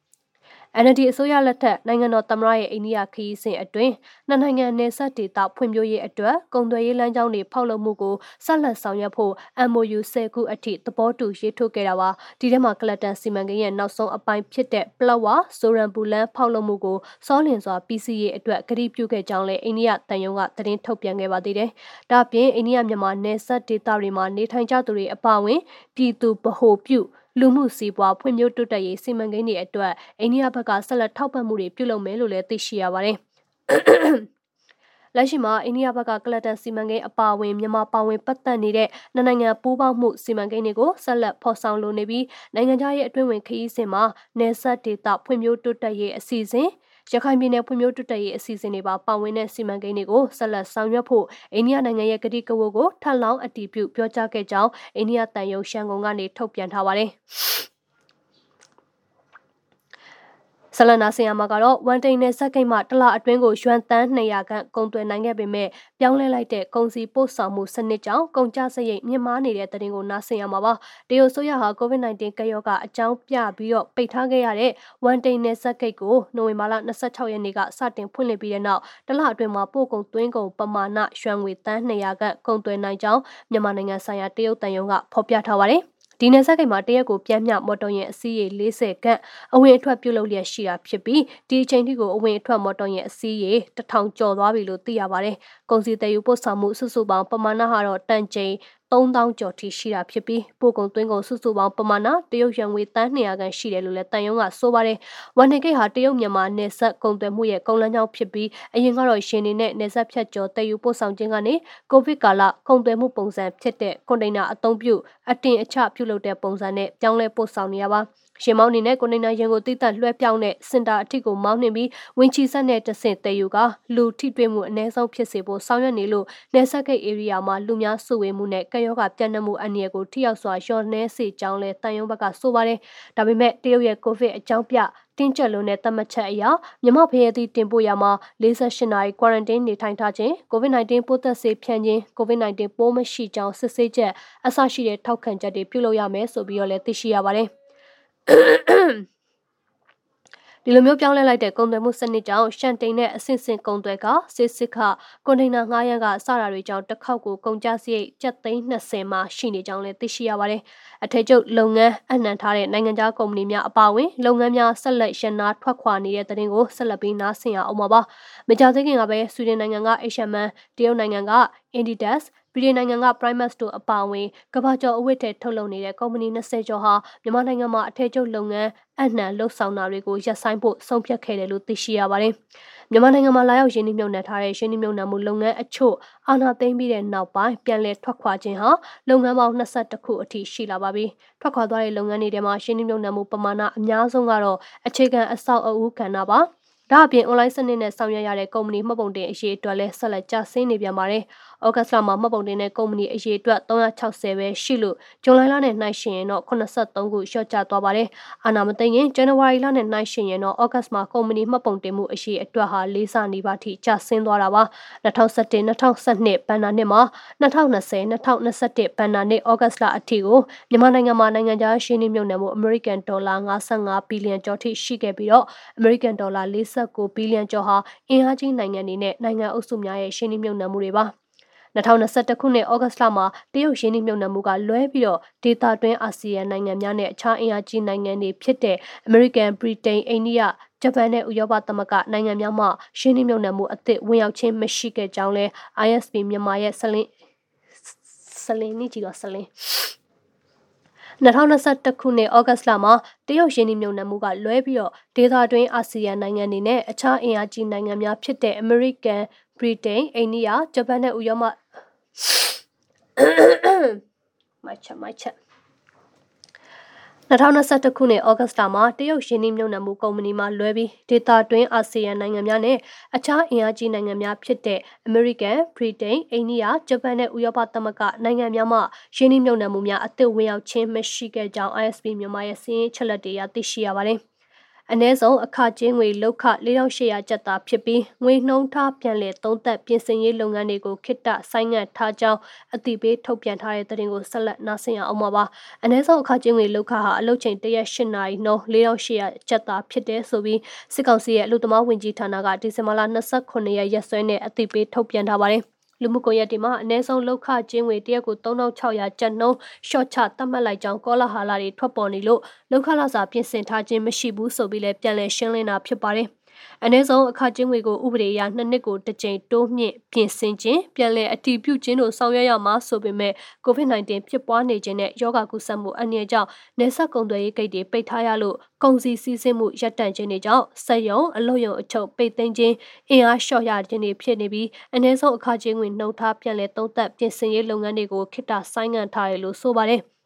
အခြေအနေတွေတည်ငြိမ်သွားမှာပဲအ ਨੇ ဆုံးအခကျင်းဝင်နှုံထားကိုပြန်လည်သုံးသပ်ပြင်ဆင်ရေးလုပ်ငန်းတွေဆောင်ရွက်သွားမယ်ဆိုပြီးလည်းအဲ့ဒီကြေညာချက်မှာဖော်ပြထားပါတယ်အ ਨੇ ဆုံးအခကျင်းဝင်နှုံထားပြန်လည်သုံးသပ်ပြင်ဆင်ရေးလုပ်ငန်းစဉ်တွေကိုဆောင်ရွက်ရမှာအမျိုးသားကော်မတီအနေနဲ့ထုတ်ပြန်သတ်မှတ်ထားတဲ့အ ਨੇ ဆုံးအခကျင်းဝင်ထက် short ချသတ်မှတ်လေးမရှိပဲဆက်လက်အတည်ပြုခြင်းတိုးမြင့်သတ်မှတ်ခြင်းတို့ကိုသာဆောင်ရွက်သွားတဲ့အစဉ်လာရှိရဆိုပြီးလည်းထုတ်ပြန်ထားပါတယ်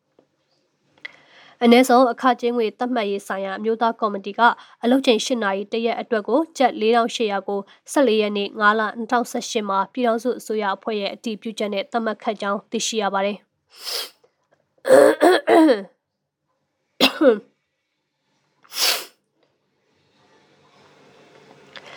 ဆလနာဆီယာမာကတော့2021ခုနှစ်အတွင်းဂျာမနီတန်ယုံကမြန်မာနိုင်ငံမှာရှိတဲ့အသေးစားစီမံကိန်းတွေအတွက်ယူရို2သိန်းခွဲထောက်ပံ့ပေးခဲ့တဲ့သတင်းကိုနားဆင်ရမှာပါ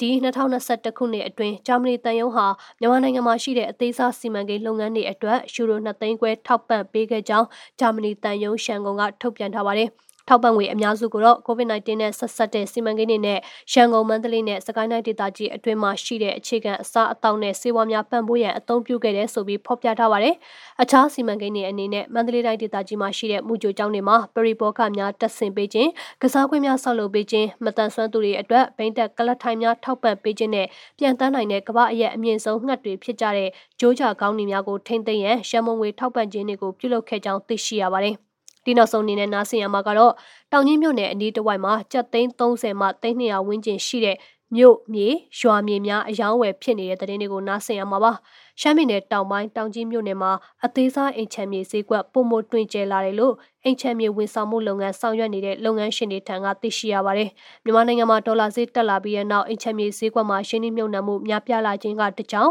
ရှမ်းပြည်နယ်တောင်ပိုင်းမှာချက်ချင်းလာရောက်နေထိုင်ခြင်းတဲ့သူတွေများနေတာကတကြောင်ရှမ်းပြည်နယ်တောင်ပိုင်းအိမ်ချမ်းမြေအသေးစားဈေးကွက်ပုံမတွင်ကျဲလာတာဖြစ်တယ်လို့ဆိုကြပါတယ်။တောင်ကြီးမြို့နယ်အနီးတစ်ဝိုက်မှာကျပ်သိန်း20ကနေသိန်း200ဝန်းကျင်အထိမြို့ရှောင်နှစ်ပေးလမ်းမှာရှိတဲ့မြို့မြေရွာမြေတွေဟာအယောင်းဝယ်ဖြစ်ထွန်းနေတယ်လို့သိရှိရပြီးဝယ်ယူပြီးတော့လာရောက်နေထိုင်သူလည်းများနေကြောင်းမြန်မာနိုင်ငံအိမ်ချမ်းမြေလုပ်ငန်းဖွံ့ဖြိုးတိုးတက်ရေးအသင်းရှမ်းပြည်နယ်တောင်ပိုင်းမှာသိရှိရပါတယ်။အိမ်ချမ်းမြေများအယောင်းဝယ်ဖြစ်နေပြီးအရေးကြရောင်းဝယ်မှုတွေလည်းရှိနေကြောင်းအရင်ကတည်းကဆိုရင်တော့အိမ်ချမ်းမြေဈေးတွေလှုပ်ခတ်လာပြီးအယောင်းဝယ်လေးတွေပြန်ဖြစ်လာတဲ့ဆိုပြီးလဲအိမ်ချမ်းမြေလောက်ကင်လောက် မြို့မြေတွေအယောင်းဝယ်ဖြစ်နေပြီးအရစ်ကြရောင်းဝယ်မှုတွေလည်းရှိနေကြောင်းအရင်ကတည်းကဆိုင်ရင်အိမ်ချမ်းမြေဈေးလှုပ်ခတ်လာပြီးအယောင်းဝယ်လေးတွေပြန်ဖြစ်လာတယ်လို့အိမ်ချမ်းမြေလုပ်ငန်းလုပ်ကိုင်နေသူတဦးကဆိုပါတယ်။အ ਨੇ ဆုံးအခကျင်းငွေသတ်မှတ်ရေးဆိုင်ရာအမျိုးသားကော်မတီကအလုပ်ချိန်၈နာရီတရက်အတွက်ကိုကျပ်4800ကို14ရက်နေ့9လ2018မှာပြည်ထောင်စုအစိုးရအဖွဲ့ရဲ့အတည်ပြုချက်နဲ့သတ်မှတ်ခတ်ကြောင်းသိရှိရပါတယ်။ ဆလနာဆီယာမှာကတော့2021ခုနှစ်အတွင်းဂျာမနီတန်ယုံကမြန်မာနိုင်ငံမှာရှိတဲ့အသေးစားစီမံကိန်းတွေအတွက်ယူရို2သိန်းခွဲထောက်ပံ့ပေးခဲ့တဲ့သတင်းကိုနားဆင်ရမှာပါဒီ2021ခုနှစ်အတွင်းဂျာမနီတန်ယုံဟာမြန်မာနိုင်ငံမှာရှိတဲ့အသေးစားစီမံကိန်းလုပ်ငန်းတွေအတွက်ယူရို2သိန်းခွဲထောက်ပံ့ပေးခဲ့ကြောင်းဂျာမနီတန်ယုံရှန်ကုန်ကထုတ်ပြန်ထားပါတယ်။ ထောက်ပံ့ငွေအများစုကိုတော့ COVID-19 နဲ့ဆက်ဆက်တဲ့စီမံကိန်းတွေနဲ့ရန်ကုန်မန္တလေးနဲ့စကိုင်းတိုင်းဒေသကြီးအတွင်းမှာရှိတဲ့အခြေခံအစားအသောက်နဲ့စေဝါများပံ့ပိုးရန်အသုံးပြုခဲ့တဲ့ဆိုပြီးဖော်ပြထားပါတယ်။အခြားစီမံကိန်းတွေအနေနဲ့မန္တလေးတိုင်းဒေသကြီးမှာရှိတဲ့မူကြိုကျောင်းတွေမှာပရိဘောဂများတက်ဆင်ပေးခြင်းကစားကွင်းများဆောက်လုပ်ပေးခြင်းမတန်ဆွမ်းသူတွေအတွက်ဘိန်းတက်ကလတ်ထိုင်များထောက်ပံ့ပေးခြင်းနဲ့ပြန်တန်းနိုင်တဲ့ကမ္ဘာအရဲ့အမြင့်ဆုံးငှက်တွေဖြစ်ကြတဲ့ဂျိုးကြကောင်းနေများကိုထိမ့်သိမ်းရန်ရှမ်းမုံငွေထောက်ပံ့ခြင်းတွေကိုပြုလုပ်ခဲ့ကြောင်းသိရှိရပါတယ်။ ဒီနောက်ဆုံးအနေနဲ့နားဆင်ရမှာကတော့တောင်ကြီးမြို့နယ်အနီးတစ်ဝိုက်မှာကြက်သိန်း30မှ300ဝန်းကျင်ရှိတဲ့မြို့မြေရွာမြေများအယောင်းဝယ်ဖြစ်နေတဲ့တဲ့တင်တွေကိုနားဆင်ရမှာပါ ရှမ်းပြည်နယ်တောင်ပိုင်းတောင်ကြီးမြို့နယ်မှာအသေးစားအိမ်ချမ်းမြေဈေးကွက်ပုံမတွင်ကျဲလာတယ်လို့အိမ်ချမ်းမြေဝန်ဆောင်မှုလုပ်ငန်းဆောင်ရွက်နေတဲ့လုပ်ငန်းရှင်တွေထံကသိရှိရပါတယ်မြန်မာနိုင်ငံမှာဒေါ်လာဈေးတက်လာပြီးတဲ့နောက်အိမ်ချမ်းမြေဈေးကွက်မှာရှင်းနှိမ့်မြုပ်နှံမှုများပြားလာခြင်းကတကြောင်ရှမ်းပြည်နယ်တောင်ပိုင်းမှာချက်ချင်းလာရောက်နေထိုင်ခြင်းတဲ့သူတွေများနေတာကတကြောင်ရှမ်းပြည်နယ်တောင်ပိုင်းအိမ်ချမ်းမြေအသေးစားဈေးကွက်ပုံမတွင်ကျဲလာတာဖြစ်တယ်လို့ဆိုကြပါတယ်တောင်ကြီးမြို့နယ်အနီးတစ်ဝိုက်မှာကျပ်သိန်း20ကနေသိန်း200ဝန်းကျင်အထိမြို့ရှောင်နှစ်ပေးလမ်းမှာရှိတဲ့မြို့မြေရွာမြေတွေဟာအယောင်းဝယ်ဖြစ်ထွန်းနေတယ်လို့သိရှိရပြီးဝယ်ယူပြီးတော့လာရောက်နေထိုင်သူလည်းများနေကြောင်းမြန်မာနိုင်ငံအိမ်ချမ်းမြေလုပ်ငန်းဖွံ့ဖြိုးတိုးတက်ရေးအသင်းရှမ်းပြည်နယ်တောင်ပိုင်းမှာသိရှိရပါတယ်။အိမ်ချမ်းမြေများအယောင်းဝယ်ဖြစ်နေပြီးအရေးကြရောင်းဝယ်မှုတွေလည်းရှိနေကြောင်းအရင်ကတည်းကဆိုရင်တော့အိမ်ချမ်းမြေဈေးတွေလှုပ်ခတ်လာပြီးအယောင်းဝယ်လေးတွေပြန်ဖြစ်လာတဲ့ဆိုပြီးလဲအိမ်ချမ်းမြေလောက်ကင်လို့မြို့မြေတွေအယောင်းဝယ်ဖြစ်နေပြီးအရေးကြရောင်းဝယ်မှုတွေလည်းရှိနေကြောင်းအရင်ကတည်းကဆိုရင်အိမ်ချမ်းမြေဈေးလှုပ်ခတ်လာပြီးအယောင်းဝယ်လေးတွေပြန်ဖြစ်လာတယ်လို့အိမ်ချမ်းမြေလုပ်ငန်းလောက်ကင်နေသူတဦးကဆိုပါတယ် စီးပွားရေးသတင်းတွေအပြီးမှာနိုင်ငံတကာသတင်းတွေကိုနားဆင်ကြရမှာပါ။ကိုနေဦးမောင်ကဆက်လက်ပြောပြပေးမှာပါ။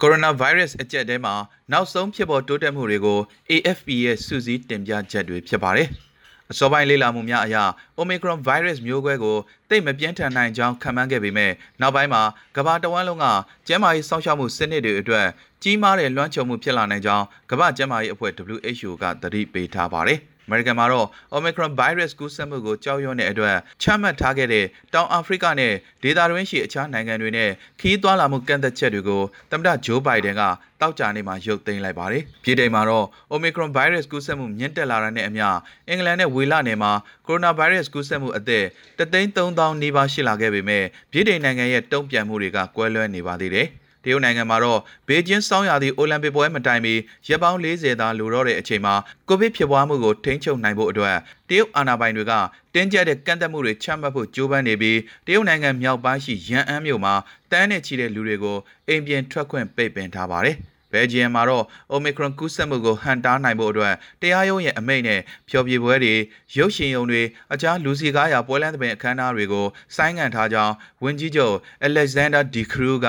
ပြီးခဲ့တဲ့သတင်းပတ်ကကြေညာခဲ့ပါတယ်။ဖင်လန်မှာ Omicron တိုက်ဖြတ်ရေးအရှိန်မြင့်ဆောင်ရွက်မှုအဖြစ်ကိုဗစ်ကာကွယ်ဆေးမထိုးရသေးတဲ့နိုင်ငံသားခီးသွွားတွေအတွက်ပြည်ဝင်ခွင့်ပိတ်ပင်ထားပါတယ်။နယ်သာလန်နဲ့ဆွစ်ဇာလန်မှာ Omicron ကူးစက်မှုမြင့်တက်နေပြီးနေ့စဉ်ကူးစက်မှုစံချိန်သစ်တွေအဖြစ်21,859နဲ့1,9182ဦးအသီးသီးရှိနေတယ်လို့အာဏာပိုင်တွေကဆိုပါတယ်။ စပိန်မှာကိုရိုနာဗိုင်းရပ်စ်ကပ်ရောဂါကြောင့်ဆိုးရွားစွာထိခိုက်ခဲ့ရတဲ့စီးပွားရေးကဏ္ဍကိုတိုးမြှင့်ဖို့တွန်းအားပေးကြိုးပမ်းမှုနဲ့အတူစပိန်ပါလီမန်ကနိုင်ငံရေးသမိုင်းမှာအကြီးဆုံးဘတ်ဂျက်ကိုအပြည့်အအတည်ပြုပေးလိုက်ပါတယ်။ပြင်သစ်ကတော့အများပြည်သူပွဲလန်းသဘင်များတက်ရောက်မှုကန့်သက်ချက်ကိုချမှတ်လိုက်တဲ့နောက်ဆုံးနိုင်ငံဖြစ်လာပြီးနောက်ပိုင်းအိန္ဒိယနဲ့တောင်အာဖရိကခရစ်ကက်ခြေစမ်းပွဲတွေကိုတကားပိတ်ကျင်းပခဲ့ပြီးအားကစားကဏ္ဍအတွက်ကုန်ကျစရိတ်တွေတိုးမြင့်လာခဲ့ပါတယ်။ဘာစီလိုနာအသင်းရဲ့စပိန်လက်ရွေးစင်နောက်ခံကစားသမား ဂျော်ဒီအယ်ဘာဟာဒီသတင်းပတ်အတွင်းလာလီဂါကလပ်တွေထဲမှာကိုဗစ်ကူးစက်ခံရတဲ့တတိယမြောက်ကစားသမားဖြစ်လာခဲ့ပါတယ်။ကိုရိုနာဗိုင်းရပ်စ်ဟာ2019ခုနှစ်ဒီဇင်ဘာမှာတရုတ်နိုင်ငံကနေစတင်ဖြစ်ပွားခဲ့ပြီးဒီကနေ့ထိအောင်အနည်းဆုံးလူပေါင်း9သန်း4သိန်း4589ဦးတည်ဆုံးခဲ့ရကြောင်း AFP ကစုစည်းထားတဲ့တရားဝင်စည်းရင်းစရာများအရသိရှိရပါတယ်။ရေဘူးရအားဖြင့်အမေရိကန်ဟာကိုရိုနာဗိုင်းရပ်စ်ကြောင့် သေဆုံးမှုပေါင်း8,18382ဦးဖြင့်အများဆုံးစံချိန်တင်ထားပြီးသူ့နောက်မှာဘရာဇီးက6,18534ဦးအိန္ဒိယက8,290ဦးနဲ့ရုရှားက3,690ဦးတို့အသီးသီးအများဆုံးဖြစ်ကြပါတယ်ကိုဗစ်နဲ့ဆက်နွယ်တဲ့အကြားသေဆုံးမှုတွေကိုပါထည့်သွင်းစဉ်းစားမယ်ဆိုရင်စုစုပေါင်းသေဆုံးသူဦးရေဟာလက်ရှိစင်းရဲတဲ့2ဆကနေ3ဆအထိပိုများနိုင်ကြောင်းကမ္ဘာ့ကျန်းမာရေးအဖွဲ့ကခန့်မှန်းထားပါတယ် ရုရှားသမ္မတဗလာဒီမီယာပူတင်နဲ့ဘယ်လာရုစ်သမ္မတအလက်ဇန်ဒါလူကာရှန်ကိုတို့ဟာနှစ်နိုင်ငံဆက်ဆံရေးကိစ္စများဆွေးနွေးပြီးနောက်ရေခဲပြင်ဟော်ကီကစားပွဲမှာဝင်ရောက်ဆင်နွှဲခဲ့ကြပါတယ်။သမ္မတနှစ်ဦးစလုံးကတသင်းထဲမှာဝင်ရောက်ကစားကြပြီးပူတင်ကကျောနံပါတ်7လူကာရှန်ကိုကကျောနံပါတ်1ကစားသမားဖြစ်ကစားကွင်းထဲကိုဝင်ရောက်ခဲ့ကြပါတယ်။ ဘယ်လာရုစ်သမ္မတရဲ့သားဖြစ်သူနီကိုလိုင်လူကာရှန်ကိုလည်းအဆိုပါကစားပွဲမှာပါဝင်ကစားခဲ့ပါတယ်။ဆိုပါကစားပွဲကိုစိန့်ပီတာစဘတ်မြို့တော်အနီးရှိစထရနာစီယန်စုက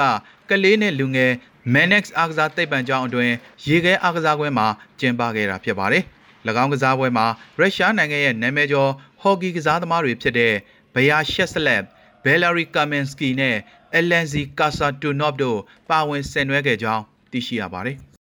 ဒီဇင်ဘာလ28ရက်အင်္ဂါနေ့ကဆူဒန်နိုင်ငံရွှေတူးဖော်ရေးမိုင်းတွင်တစ်ခုပြိုကျခဲ့တဲ့အတွက်မိုင်းလုံသား32ဦးသေဆုံးပြီး10ဦးပျောက်ဆုံးနေကြောင်းအစိုးရအာဏာပိုင်တွေကဆိုပါတယ်ခါဒုံမြို့တော်အနောက်ဘက်မိုင်300အကွာကနူဟတ်မြို့အနီးမှာအဆိုပါဖြစ်စဉ်ဖြစ်ပွားခဲ့တာလို့အစိုးရပိုင်းဓာတ်တတုရင်းမြစ်ကုမ္ပဏီအကြီးအကဲခါလက်ဒါဝါကဆိုပါတယ် မိုင်းတွင်ပြိုကျမှုကြောင့်တမယိုးကျမိုင်းတွင်လှုပ်သား32ဦးသေဆုံးခဲ့ပါတယ်။တူဦးကိုကယ်ထုတ်နိုင်ခဲ့ပြီး10ဦးပျောက်ဆုံးနေဆဲဖြစ်ပါတယ်လို့၎င်းက AFP ကိုပြောပြပါတယ်။တမယိုးကျနီးနဲ့ရွှေတူးဖော်မှုဟာဆူဒန်နိုင်ငံမှာအန်ဒီယထူပြောတဲ့အလုပ်ဖြစ်ပြီးအခြေခံအဆောက်အအုံအားနည်းမှုတွေကြောင့်မတော်တဆဖြစ်ရက်တွေမကြာခဏဖြစ်ပွားတတ်ပါတယ်။အဘိုးရန်တပ်ထုရရှိရဲ့အတွက်မြေတူးဇက်တွေနဲ့တမယိုးကျတူးဖော်မှုတွေဟာလွန်ခဲ့တဲ့ဆယ်စုနှစ်လောက်ကတည်းကဆူဒန်နိုင်ငံမှာခေတ်စားနေကြတာပါ။ မိုင်းလိုသား2တန်းနီးပါးဟာနိုင်ငံရွှေတူးဖော်မှုရဲ့80ရာခိုင်နှုန်းတန်80ခန့်ကိုနှစ်စဉ်ထုတ်လုပ်ပေးလျက်ရှိကြောင်းတရားဝင်ကိန်းဂဏန်းများအရသိရှိရပါတယ်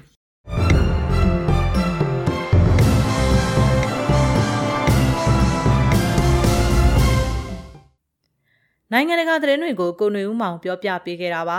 အခုတင်ဆက်ပေးမှာကတော့နားဆင်ခန်းစားစောင်းပါးများအစီအစဉ်ပါဘာသာရေးမှိုင်းဟာ ဆဲအုပ်စုရဲ့လက်နက်ဖြစ်လာပြီဆိုရင်ဆိုတဲ့ဆောင်းပါးကို နားဆင်ကြည့်အောင်ပါ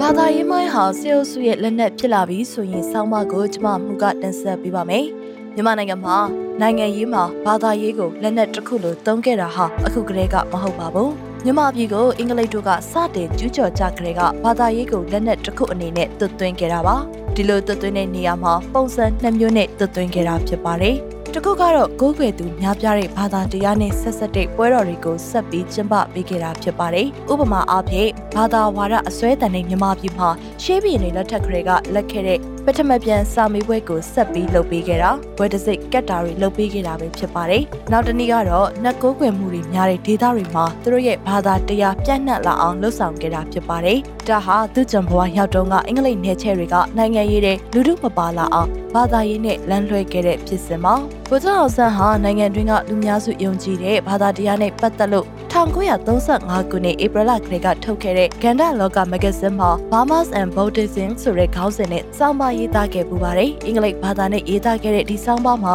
ဗုဒ္ဓဘာသာရဲ့အနှစ်သာရဟာဝေဖန်ဆန်းစစ်၍လက်တွေ့ကျင့်သုံးနည်းဖြစ်ကြောင်းအဲ့ဒီနည်းကိုခေတမုတ်တိတုတ်ခေါ်ကာလမန်တုံတလာဟောကြားချက်ဖြစ်ကြောင်းအမအမှန်ကိုတဆင့်ကြားခြင်းဖြင့်၎င်းမြေရိုးဖလာအယူဖြစ်ခြင်းကြောင့်၎င်းယုံကြည်ထိုက်သူပြောစကားဖြစ်တဲ့အတွက်ပုဂ္ဂိုလ်ဆွဲဖြစ်သော၎င်းလေးစားသောဆရာသမားရဲ့နှုတ်ထွက်စကားဖြစ်တဲ့အတွက်ဆရာဆွဲဖြစ်သော၎င်းလက်တင်မခံဘဲဝိပန်ဆန်းစစ်ကလက်တွေ့လုပ်ကြည့်ပြီးအကျိုးရှိတဲ့အယူဝါဒကိုသာလက်ခံရမယ်ဆိုတဲ့ဝိပဿနာဝါဒတာဖြစ်ကြောင်းအဲ့ဒီဝါဒကိုတုံးပြီးတော့နိုင်ငံလွတ်လပ်ရေးနဲ့တိုးတက်ကြီးပွားရေးအတွက်လှုပ်ဆောင်ဖို့ရမှာလဲနိုင်ငံသားအားလုံးရဲ့အဓိကတာဝန်ဖြစ်တယ်လို့ဆွေးနွေးတင်ပြထားပါတယ်ဒီဆွေးနွေးတင်ပြရေးသားမှုဟာအဲ့ဒီကာလနိုင်ငံတွင်းမှာဗုဒ္ဓဘာသာဝင်တွေများပြားတဲ့အတွက်ကြောင့်သူတို့ကိုးကွယ်တဲ့ဘာသာတရားပေါ်မှာအခြေခံပြီးတော့ရေးသားခဲ့တာလည်းဖြစ်ပါတယ်။ဘုရားအောင်ဆန်းဟာနိုင်ငံအရေးတိုင်းပြည်ရေးကိုကိုယ်တိုင်ကိုယ်ကျလုပ်ခဲ့ချိန်မှာတော့ဘာသာရေးနဲ့လူမျိုးရေးတွေကိုနောက်တန်းကိုပို့ထားခဲ့ပါတယ်။ဒါနဲ့ပတ်သက်လို့ဘုရားအောင်ဆန်းနဲ့အတူတိုင်းပြည်အတွက်အသက်ပေးပြီးတော့အာဇာနည်ကိုဦးစင်းဝင်ခဲ့တဲ့ဥရစရဲ့သားဖြစ်သူဦးတင်မြင့်က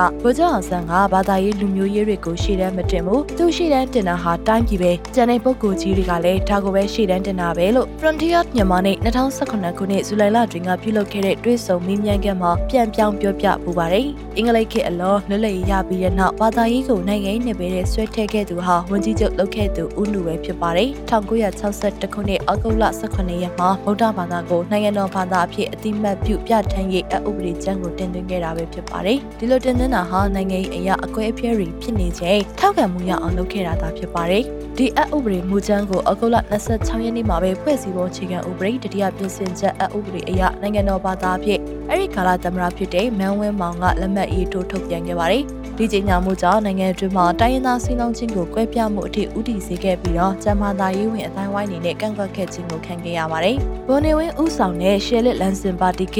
1980ခုနှစ်မီလာမှာတန်ခါခိုင်ဘောင်းဆောင်ကတန်ခါတော်အပါထောက်နေရတဲ့ရန်ကုန်မြို့ကဘာအေကုန်းပြည်မှာနိုင်ငံတော်တန်ခါမဟာနာယကအဖွဲ့ကြီးကိုဖွဲ့စည်းခဲ့ပါတယ်။အဖွဲ့ကြီးကိုဓမ္မဝါဒအရမဝါဒဆိုင်ရာအထီးကယုံနေဝင်းကြီးဆိုင်ရာအထီးကယုံကျောင်းဝိုင်းဆိုင်ရာအထီးကယုံနေအတွက်ဖြည့်ရှင်းမှုအတွက်ရည်ရွယ်ခဲ့ပါတယ်။ဒါပေမဲ့ဒါဟာဘာသာရေးကိုလက်နက်တပ်ဖွဲ့နိုင်ငံရေးမှာအသုံးပြုဖို့အတွက်ဦးနေဝင်းရဲ့ကြိုတင်ခင်းထားခဲ့တဲ့လမ်းပဲဖြစ်ပါတယ်။တစ်ဖက်မှာလည်းအခြားဘာသာကိုးကွယ်တဲ့အတိုင်းဝိုင်းတွေကအသက်ညံမလာအောင်အတွက်သက်ဆိုင်ရာဘာသာရေးအတိုင်းဝိုင်းတွေကိုလည်းကူညီထောက်ပံ့မှုတွေလေးစားသမှုတွေပြခဲ့ပါတယ်။နိုင်ငံရေးမှာဘာသာရေးကိုလက်နက်တပ်ဖွဲ့အသုံးပြုမှုကိုဘိုးနေဝင်းနဲ့ဘိုးဆောင်မှအလွန်ခက်မှာစစ်တပ်ကပို့ပြီးတော့သုံးဆွဲလာခဲ့ပါတယ်။ဘာသာရေးကိုအခြေခံတဲ့ပဋိပက္ခတွေဖန်တီးခဲ့ပါတယ်။နိုင်ငံတွင်းကအခြားသောဘာသာတွေထက်ဗုဒ္ဓဘာသာဟာနိုင်ငံတော်ဘာသာဖြစ်တယ်ဆိုတဲ့ခေါင်းစဉ်အောက်ကနေခွဲခြားဆက်ဆံမှုတွေကိုတွင်တွင်ကြဲကြဲလုပ်ခဲ့ပါတယ်။ဒီကနေ့အထိလည်းလုပ်နေဆဲဖြစ်ပါတယ်။နမူနာပြောရရင်ဗုဒ္ဓဘာသာဝင်တန်ဃာတော်တွေအတွက် RGO နာမည်နဲ့ရှင်တင်သွင်းစီးနှင်းခွင့်တွေကိုတွင်တွင်ကြဲကြဲချထားပေးမှုတွေလုပ်နေပေမဲ့လည်းအခြားဘာသာဝင်ဘာသာရေးဆရာတွေအတွက်ဒီလိုချထားပေးမှုဟာအနေကျဉ်းသာရှိခဲ့ပါတယ်။ဒါအပြင်တခြားတခြားသောနှီးပေါင်းစုံနဲ့မတူညီတဲ့ဘာသာတွေအကြားမညီမျှမှုတွေကိုဖန်တီးခဲ့တယ်လို့တူညီတဲ့ဘာသာတစ်ခုချင်းကြောင့်မှလည်းအုပ်စုဖွဲ့ရရှိအောင်အတွက်စစ်အုပ်စုဟာလုပ်ခဲ့ပါတယ်။ဘာသာမတူရင်ကွဲပြားမှုပိုကြီးအောင်လုပ်မယ်။ဘာသာတူနေရဲ့အုပ်စုဖွဲ့တင်းခွဲစီမယ်ဆိုတဲ့နီးနာကိုကျင့်သုံးခဲ့တာဟာဒီကနေ့နိုင်ငံကိုအာဏာသိမ်းထားတဲ့မင်းအောင်လှိုင်ရဲ့လက်ထက်အထိပဲဖြစ်ပါတယ်။ဘာသာရေးပေါ်အခြေခံတဲ့ဆက်ဆံမှုမျိုးထက်အခွင့်အရေးကိုအခြေခံတဲ့ဆက်ဆံမှုမျိုးဖြစ်အောင်မတူညီတဲ့ဘာသာချင်းကြားထဲမှာကောတူညီတဲ့ဘာသာချင်းကြားထဲမှာပါတက်ရှိုးသွေးခွဲမှုတွေလုပ်ခဲ့ပါတယ်။ဒီလိုတက်ရှိုးသွေးခဲမှုကိုစေအုပ်စုကိုယ်တိုင်ကျွလွန်တာတွေရှိသလိုစစ်အုပ်စုနဲ့နှီးစပ်တဲ့စီးပွားရေးလုပ်ငန်းရှင်တွေကတက်ဆက်လှုပ်ဆောင်တာတွေလည်းရှိပါတယ်။စေအုပ်စုဟာဘာသာရေးခေါင်းဆောင်တွေကိုချင်းကပ်ရမှာအစာပိုင်းမှာတော့ဘာသာတရားဖွံ့ဖြိုးတိုးတက်ရေးဆိုတဲ့ဘောင်တွေကချင်းကပ်ခဲ့တာပါ။ဒါပေမဲ့လည်းနောက်ပိုင်းမှာတော့စေအုပ်စုတီသားဘာဘာသာသာသနာကိုအဓိကပံ့ပိုးကူညီတဲ့အစုအဖွဲ့ဖြစ်တယ်ဆိုတာမျိုးနဲ့ကျန်တဲ့သူတွေထင်မြင်လာအောင်ဖန်တီးခဲ့ပါတယ်။တဖြည်းဖြည်းနဲ့ဘာသာရေးထက်အခွင့်အရေးကိုဦးစားပေးတဲ့ဘာသာရေးခေါင်းဆောင်တွေကိုစုစည်းပြီး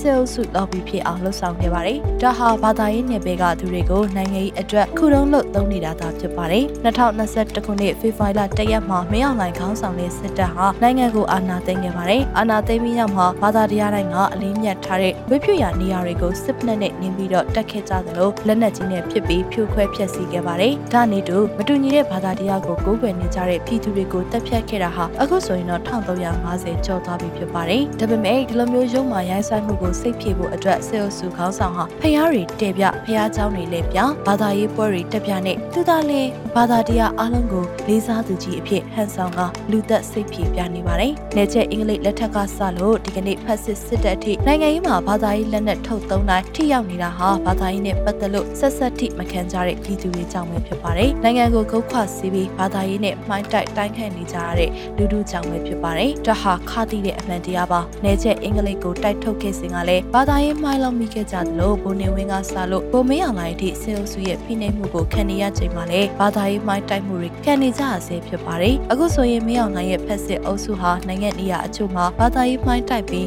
ຫນွေဦးတော်လှန်ရေးကြီးချိနဲ့လာအောင်လုပ်ဖို့ခြေလမ်းတွေစနေပါပြီ။တတိရှိသူတွေကတတိပေးနေကြပေမဲ့တတိမပြုမိသူတွေကတော့စေအုပ်စုရဲ့ဘာသာရေးမှိုင်းထည့်ထားတဲ့နိုင်ငံရေးလုပ်ကြံမှုကြောင့်မှပြပြဝစ်မိကြခင်နေနေပါပြီ။ဒီကနေ့နိုင်ငံလူဝက်ချက်အရဖြစ်တည်လာတဲ့နေဦးတော်လှန်ရေးကြီးဟာဘာသာရေးကြောင့်မဟုတ်ပါဘူးစစ်အုပ်စုရဲ့မတော်မတည့်တဲ့အာဓမလုပ်ရက်ကိုစန့်ကျင်ဖို့သာဖြစ်ပါတယ်နိုင်ငံမှာစစ်အုပ်စုလက်အောက်ကလူမျိုးရေးအတွက်တောင်တန်းပြည်မှတသက်နဲ့ထွက်နေတယ်လို့မတူညီတဲ့ဘာသာဝင်တိုင်းရဲ့တောင်းဆိုမှုကလည်းစစ်အာဏာရေးနေရာကြီးရဲ့အပီးတိုင်ပြတ်သုံးရေးဖြစ်ပါတယ်အင်္ဂလိပ်လက်ထက်ကစလို့စစ်အုပ်စုမတရားဖိနှိပ်ခဲ့တဲ့ဖိနှိပ်နေစေဖြစ်တဲ့ဒီကနေ့ထိနိုင်ငံရေးတဲ့ ဘာသာရေးမှိုင်းတိုက်ပြီးလူလူချင်းတိုက်ခိုင်းမဲ့ကိစ္စကိုတတိကြီးကြီးထားတွန်းလှန်ကြဖို့လိုနေပါပြီဒီကနေ့မျိုးတော်လှန်ရေးဟာနိုင်ငံအနာဂတ်ပြည်သူအနာဂတ်အတွက်ဖြစ်တယ်လို့ဘာသာတရားတိုင်းရဲ့အနာဂတ်အတွက်ဖြစ်တယ်ဆိုတဲ့ခံယူချက်နဲ့စေအိုစုရဲ့ရုပ်ကံနဲ့ဘာသာရေးမှိုင်းထိုးသက်ရှိုးချိန်လန်းမှန်သမျှကိုရိုက်ချိုးကြဖို့တိုက်တွန်းလိုက်ပါတယ်ရှင်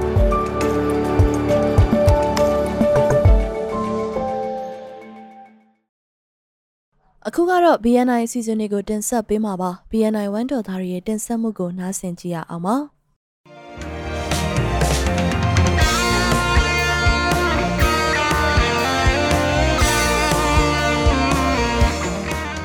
မင်္ဂလာပါရှင်နိုင်ငံတကာမြန်မာသတင်း BNN ရဲ့ဒီကနေ့ဒီဇင်ဘာလ30ရက်နေ့အတန်လွင့်အစီအစဉ်တွေကိုစတင်နေပါပြီဒီအစီအစဉ်ကတော့တိုင်းသားဒေသတွေတဲကသတင်းတွေတိုင်းသားတွေရဲ့အတန်နဲ့အမြင်တွေကို စုစည်းတင်ဆက်ပေးထားတာဖြစ်ပါတယ်နေ့စဉ်မြန်မာစံတော်ချိန်ညနေ9:15မိနစ်ကနေ9:00ခွဲအထိလိုင်းတူ16မီတာ19.3 MHz မှာဖမ်းယူနားထောင်နိုင်ပါတယ်ကျွန်မကအမီပါ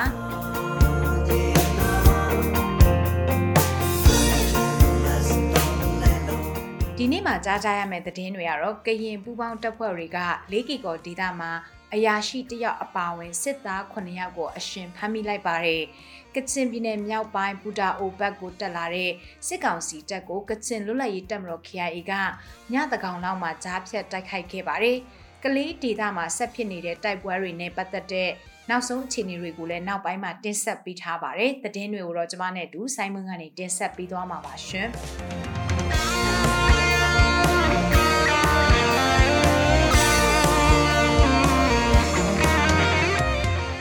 ဒီမနေ့ပိုင်းကဖြစ်ပွားခဲ့တဲ့၄ကီကောတိုက်ပွဲမှာကရင်ပူးပေါင်းတပ်ဖွဲ့တွေကစစ်ကောင်စီတပ်ခွဲမှုအပါဝင်9ဦးကိုလက်နက်ခဲယမ်းတွေနဲ့အတူထမှန်ဖမ်းဆီးရမိထားတယ်လို့မြေပြင်တည်င်းတွေအရာသိရတယ်လို့ကရင်တည်င်းစင် KIC ကရေးသားထားပါတယ်။အိမ်စီကားကိုအုံပြုပြီးစစ်ကောင်စီတပ်ဖွဲ့နေရာပြောင်းရွှေ့လာစဉ်ရတိကူကျေးရွာဝင်းကျင်မှာ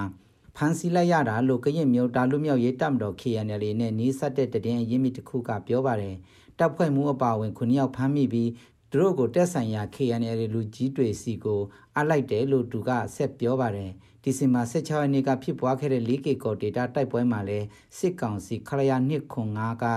တပ်ဖွဲ့ဝင်6ဦးနဲ့နေချားဆောင်တပ် BGF 2ဦးကို KNL ကရင်ဘူးပေါင်းတပ်ဖွဲ့ကအရှင်ဖမ်းမိခဲ့ပါသေးတယ်ဖမ်းမိတဲ့စစ်ကောင်စီစစ်တီတွေကိုစစ်တုံးပန်းမူဝါဒနဲ့အညီထားရှိတယ်လို့ KNU ကပြောထားပါတယ် လေးကီကောဒေတာမှာတိုက်ပွဲတွေဆက်ဖြစ်နေပေမဲ့လည်းနယ်မြေလုံခြုံရေးအရထိန်းချုပ်နိုင်ပြီဖြစ်လို့နေရက်ကိုစွန့်ခွာထွက်ပြေးနေကြရတဲ့လေးကီကောဒေတာကန်စစ်ဆောင်တွေအနေနဲ့နေရက်ကိုပြန်လာနိုင်ပြီလို့စစ်ကောင်စီဘက်ကလိုက်လံဆော်ဩနေတာတွေရှိနေပါတယ်။လုံခြုံရေးအရထိန်းချုပ်နိုင်ပြီဖြစ်လို့မိမိတို့ရဲ့နေရက်ဒေတာကိုပြန်လာနိုင်ပြီဖြစ်ပြီးမှဲ့တပေါက်မှမစွန်းစေရဆိုပြီးပြီးခဲ့တဲ့ဒီဇင်ဘာလ28ရက်နေ့မှာစစ်ကောင်စီဘက်ကစစ်ဘေးရှောင်တွေကိုလိုက်လံကြေညာခေါ်ဆောင်ခဲ့ပါတယ်။ ဒါပေမဲ့လူသားတိုင်းအဖြစ်အသုံးပြုအကာအကွယ်ယူပြီးမှတိုက်ပွဲတွေဆက်လက်ဖြစ်ပွားလာနိုင်ခြေရှိနေတဲ့အတွက်အများစုကလက်နက်ကြီးပစ်တာမျိုးလေရင်ကနေဘုံကျဲတိုက်ခိုက်မှုမျိုးတွေကနေလွတ်နိုင်ခြေရှိတဲ့နေရာတွေမှာဆက်လက်ဆစ်ဆောင်နေကြဆဲဖြစ်တယ်လို့ဒေတာတွင်းကစစ်ပေးဆောင်အရေးကူညီစောင့်ရှောက်ပေးနေတဲ့လေးကေကောဒေတာခံတွေရဲ့ပြောဆိုချက်အရသိရပါတယ်။စစ်ကောင်စီဘက်ကဒီလိုမျိုးလိုက်လံကြီးညာနေတာနဲ့အတူနေကြားဆောင်တက် BGF တက်ရင်လေးတက်နယ်မှုနဲ့ 139နှစ်နှစ်တရင်မှုဖြစ်တဲ့ဗိုလ်မှူးစောမုတ်တုံကလည်းစစ်ဆောင်တွေခိုလုံနေထိုင်တဲ့နေရာအထိလိုက်လံစီးယုံနေတာတွေကြောင့်စစ်ဆောင်900လောက်နေရက်ကိုပြန်ခဲ့တယ်လို့မြေပြင်သတင်းအရသိရပါတယ်။နောက်ပြီးကော့ဂရိတ်မြို့ဟောင်ကျေးရွာဘက်မှာလည်းဒီကနေ့မနက်9နာရီလောက်ကစတင်ပြီးတော့တိုက်ပွဲတွေဖြစ်ပွားနေပါတယ်ရှင်။ ကချင်ပြည်နယ်ဆမ်ဘရာဘွန်မြို့နယ်မှာဘူတာအိုဘက်ကိုဦးတီတက်လာတဲ့စစ်ကောင်စီရင်တန်းကိုကချင်လူလိုက်ရေးတပ်မတော် KIA ကမင်းညတကောင်ရန်ချိန်လောက်ကတိုက်ခိုက်ခဲ့ပါတယ်စစ်ကောင်စီတပ်ရင်အား30ခန်းစစ်ကား2စီးနဲ့တက်လာခဲ့တဲ့ချိန်အင်ဆိုင်ရန်ကျေးရွာနီးမှာ KIA တပ်မဟာတေလက်အောက်ခံတပ်ရင်ခုနှစ်အဖွဲ့ကတိုက်ခိုက်ခဲ့တာကြောင့်စစ်ကောင်စီဘက်ကထိခိုက်မှုအများပြားရှိနိုင်တယ်လို့လုံခြုံရေးအရာအမည်မဖော်လိုတဲ့ဒေတာခန်တူက KNG တရင်ဌာနကိုပြောဆိုပါတယ်။ KIA ကတိုက်ခိုက်တာကြောင့်အဲ့ဒီနေရာမှာနှစ်ဖက်အပြန်လာနိုင်ဝက်ကြတိုက်ပွဲဖြစ်ပွားခဲ့ပါတယ်။အဲ့ဒီနောက်မှာတော့စစ်ကောင်စီတပ်သားတချို့ဘူတာအိုဘက်ကိုထွက်ခွာသွားခဲ့ပြီးတချို့ကဆွန်ဘရာပွန်ဘက်ကိုပြန်လည်နောက်ဆုတ်သွားတယ်လို့သိရပါတယ်။လက်ရှိတိုက်ပွဲဖြစ်ပွားခဲ့တဲ့အဲ့ဒီနေရာဒေတာတလျှောက်မှာစစ်ကောင်စီတပ်ဖွဲ့ကို KIA တပ်ကမကြာခဏကြားဖြတ်တိုက်ခိုက်နေတာလည်းဖြစ်ပါတယ်။ သတင်းတွေကိုတင်ဆက်ပေးနေတာဖြစ်ပါတယ်။နေ့စဉ်မြန်မာစံတော်ချိန်ညနေ9:15မိနစ်ကနေ9:00ခွဲအထိ line to 16မီတာ19.3 MHz မှာဖမ်းယူနားထောင်နိုင်ပါတယ်။ဂရနီပြည်နယ်အတွင်းကစစ်ဘေးဒဏ်ကြောင့်ထွက်ပြေးတိမ်းရှောင်နေကြရတဲ့စစ်ဘေးရှောင်ပြည်သူတွေအတွက်စိတ်သက်မြင့်တင်တဲ့အစီအစဉ်တစ်ခုကိုကရန်အရက်ဘက်လူငယ်အဖွဲ့အစည်းတစ်ခုကအကောင့်ထဲပေါ်လှုပ်ဆောင်နေပါတယ်။ ဒီအစီအစဉ်ကိုရှမ်းတောင်ဖဲခုံမြို့နဲ့ကယားဂရနီပြည်နယ်ဒီမော့ဆိုမြို့နယ်ထဲမှာရှိတဲ့စစ်ဆောင်ပြည်သူတွေရှိတဲ့နေရာတွေကိုတွားရောက်ပြီးတော့အကောင့်ထဲပေါ်လှုပ်ဆောင်နေကြတာဖြစ်ပါတယ်။စစ်ဘေးရှောင်ပြည်သူတွေအတွက်စိတ်သက်မြင့်တင်တဲ့အစီအစဉ်ကတော့စစ်ဆောင်ကလေးတွေကိုအားကစားပြိုင်ပွဲတွေလုပ်ပေးတာသူတို့နဲ့အတူကတာစုပေးတာမျိုးတွေလုပ်ပေးနေတယ်လို့ကလေးမိဘတွေကိုလည်းကလေးခွင့်ရေးဆိုင်ရာအသိပညာပေးတာတွေကိုလှုပ်ဆောင်နေပါတယ်။ ဒီကရန်အရက်ဘက်လူငယ်အဖွဲ့အစည်းကစစ်ပေးရှောင်ပြည်သူတွေအတွက်စားနပ်ရိက္ခာတချို့ကိုကူညီထောက်ပံ့ပေးတာတွေအပြင်အခုလိုမျိုးစိတ်ဓာတ်မြင့်တင်တဲ့အစီအစဉ်ကိုလည်းလှုပ်ဆောင်ပေးနေတာဖြစ်ပါတယ်။ခရီနီပြည်နယ်အတွင်းမှာဖြစ်ပွားနေတဲ့တိုက်ပွဲတွေကြောင့်စစ်ပေးရှောင်နေရတဲ့ပြည်သူတသိန်းကျော်ရှိတယ်လို့ခန့်မှန်းထားပါတယ်ရှင်။ ရခိုင်ပြည်နယ်မှာတိုက်ပွဲတွေမရှိတော့တဲ့အတွက်ပွင့်လင်းရာဒီမှာဖျားဖူးတွေလွတ်လပ်စွာဖျားဖူးခွင့်ရရှိနိုင်ဖို့အတွက်စီဒီနဲ့ဖျားပရဝံတချို့မှာစစ်တပ်စခန်းချထားတာတွေရုပ်သိမ်းပေးဖို့ဖျားဖူးတွေကလိုလားနေကြပါတယ်ရခိုင်ပြည်နယ်မှာတကိုးကြီးဖျားတွေဖြစ်ကြတဲ့ကြောက်တော်မျိုးရှိထင်ရှားတဲ့ကေရာတီရီမောရပပတကြောက်တော်တောင်မြောက်ဦးမြို့နယ်ကတင်းကျစ်တော်ဖျားတောင်ငွေတောင်ပေါက်ဖျားတောင်လင်းမွေတောင်ဖျားတောင် မြင်းပြားမြို့နယ်ရှိကျင်းတောင်နဲ့ဘူရီတောင်မြို့နယ်30တပုံကဖျားတွေမှာစစ်ကောင်စီကနေရာယူထားတယ်လို့ဒေတာခန်တွေကပြောပါတယ်စစ်တပ်ဘက်ကဖျားဖူးတွေကိုအနောက်အရှက်ပေးတာမျိုးမရှိရင်တောင်စစ်သားတွေရှိရင်လုံခြုံမှုမခံစားရဘူးလို့ဒေတာခန်တွေကပြောပါတယ်ရခိုင်မှာရခိုင်တပ်တော် AA နဲ့စစ်ကောင်စီတို့ကြား2018ခုနှစ်ကနေစတင်ဖြစ်ပွားခဲ့တဲ့ပြင်းထန်တဲ့တိုက်ပွဲတွေဟာ ပြီးခဲ့တဲ့2020နိုဝင်ဘာလလောက်ကနေရပ်နာသွားပြီဖြစ်တာကြောင့်ဖျားဖူးပြည်သူတွေအတွက်စစ်တပ်ကိုရုပ်သိမ်းပေးဖို့တောင်းဆိုကြတာဖြစ်ပါတယ်ဒီနေ့မနက်ပိုင်း10နာရီဝန်းကျင်လောက်ကထန်တလန်မြို့မှာမီးလောင်မှုဖြစ်ပွားခဲ့ပြီးတော့ AG ဖျားကြောင်လည်းမီးထဲပါသွားတယ်လို့သိရပါတယ်။သတင်းပေးပို့တဲ့အချိန်ထိမီးလောင်မှုကြောင့်အိမ်ခြေဘလောက်ထိလောင်ကျွမ်းသွားတယ်ဆိုတာကိုမသိရသေးပါဘူး။ ထန်တလန်မြို့မှာဩဂတ်စ်လနောက်ပိုင်းကစပြီးတော့ချင်းကာကွယ်ရေးတပ်ဖွဲ့ CDF တွေနဲ့စစ်ကောင်စီတပ်ဖွဲ့တွေတိုက်ပွဲတွေစတင်ဖြစ်ပွားခဲ့ပါတယ်။အဲ့ဒီနောက်တိုက်ပွဲတွေဆက်လက်ဖြစ်ပွားခဲ့ပြီးစစ်ကောင်စီတပ်ဘက်ကလက်နက်ကြီးတွေနဲ့ပစ်ခတ်ရာကနေမီးလောင်မှုတွေဖြစ်ပွားခဲ့တယ်လို့စစ်ကောင်စီတပ်တွေကတမင်တက်တက်မီးရှို့တာတွေလည်းရှိနေတယ်လို့မျက်မြင်တွေ့ရှိသူတွေကပြောပြကြပါတယ်စစ်ကောင်စီတပ်ရဲ့ရှို့မီးနဲ့လက်နက်ကြီးပစ်ခတ်မှုတွေကြောင့်ထန်တလန်မြို့မှာအ ਨੇ ဆုံးမီးလောင်မှု17ကြိမ်ရှိခဲ့ပြီး အိမ်ချေ600ကျော်ပြာကျခဲ့ရပြီဖြစ်ပါတယ်မျိုးကလူဦးရေအားလုံးကလည်းထွက်ပြေးနေကြရပြီးတော့အိန္ဒိယနယ်စပ်နဲ့ဆွေမျိုးတွေစီမှာခိုလုံနေကြရပါတယ်ရှင်။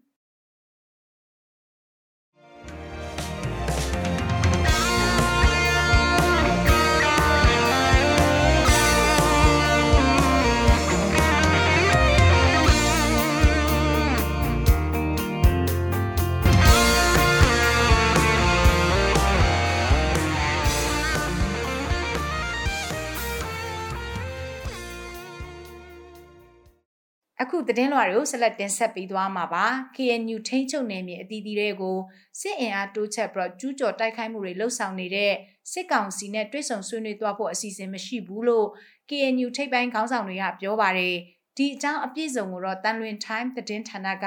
ကိုနောင်ခန့်ကပြောပြထားပါတယ်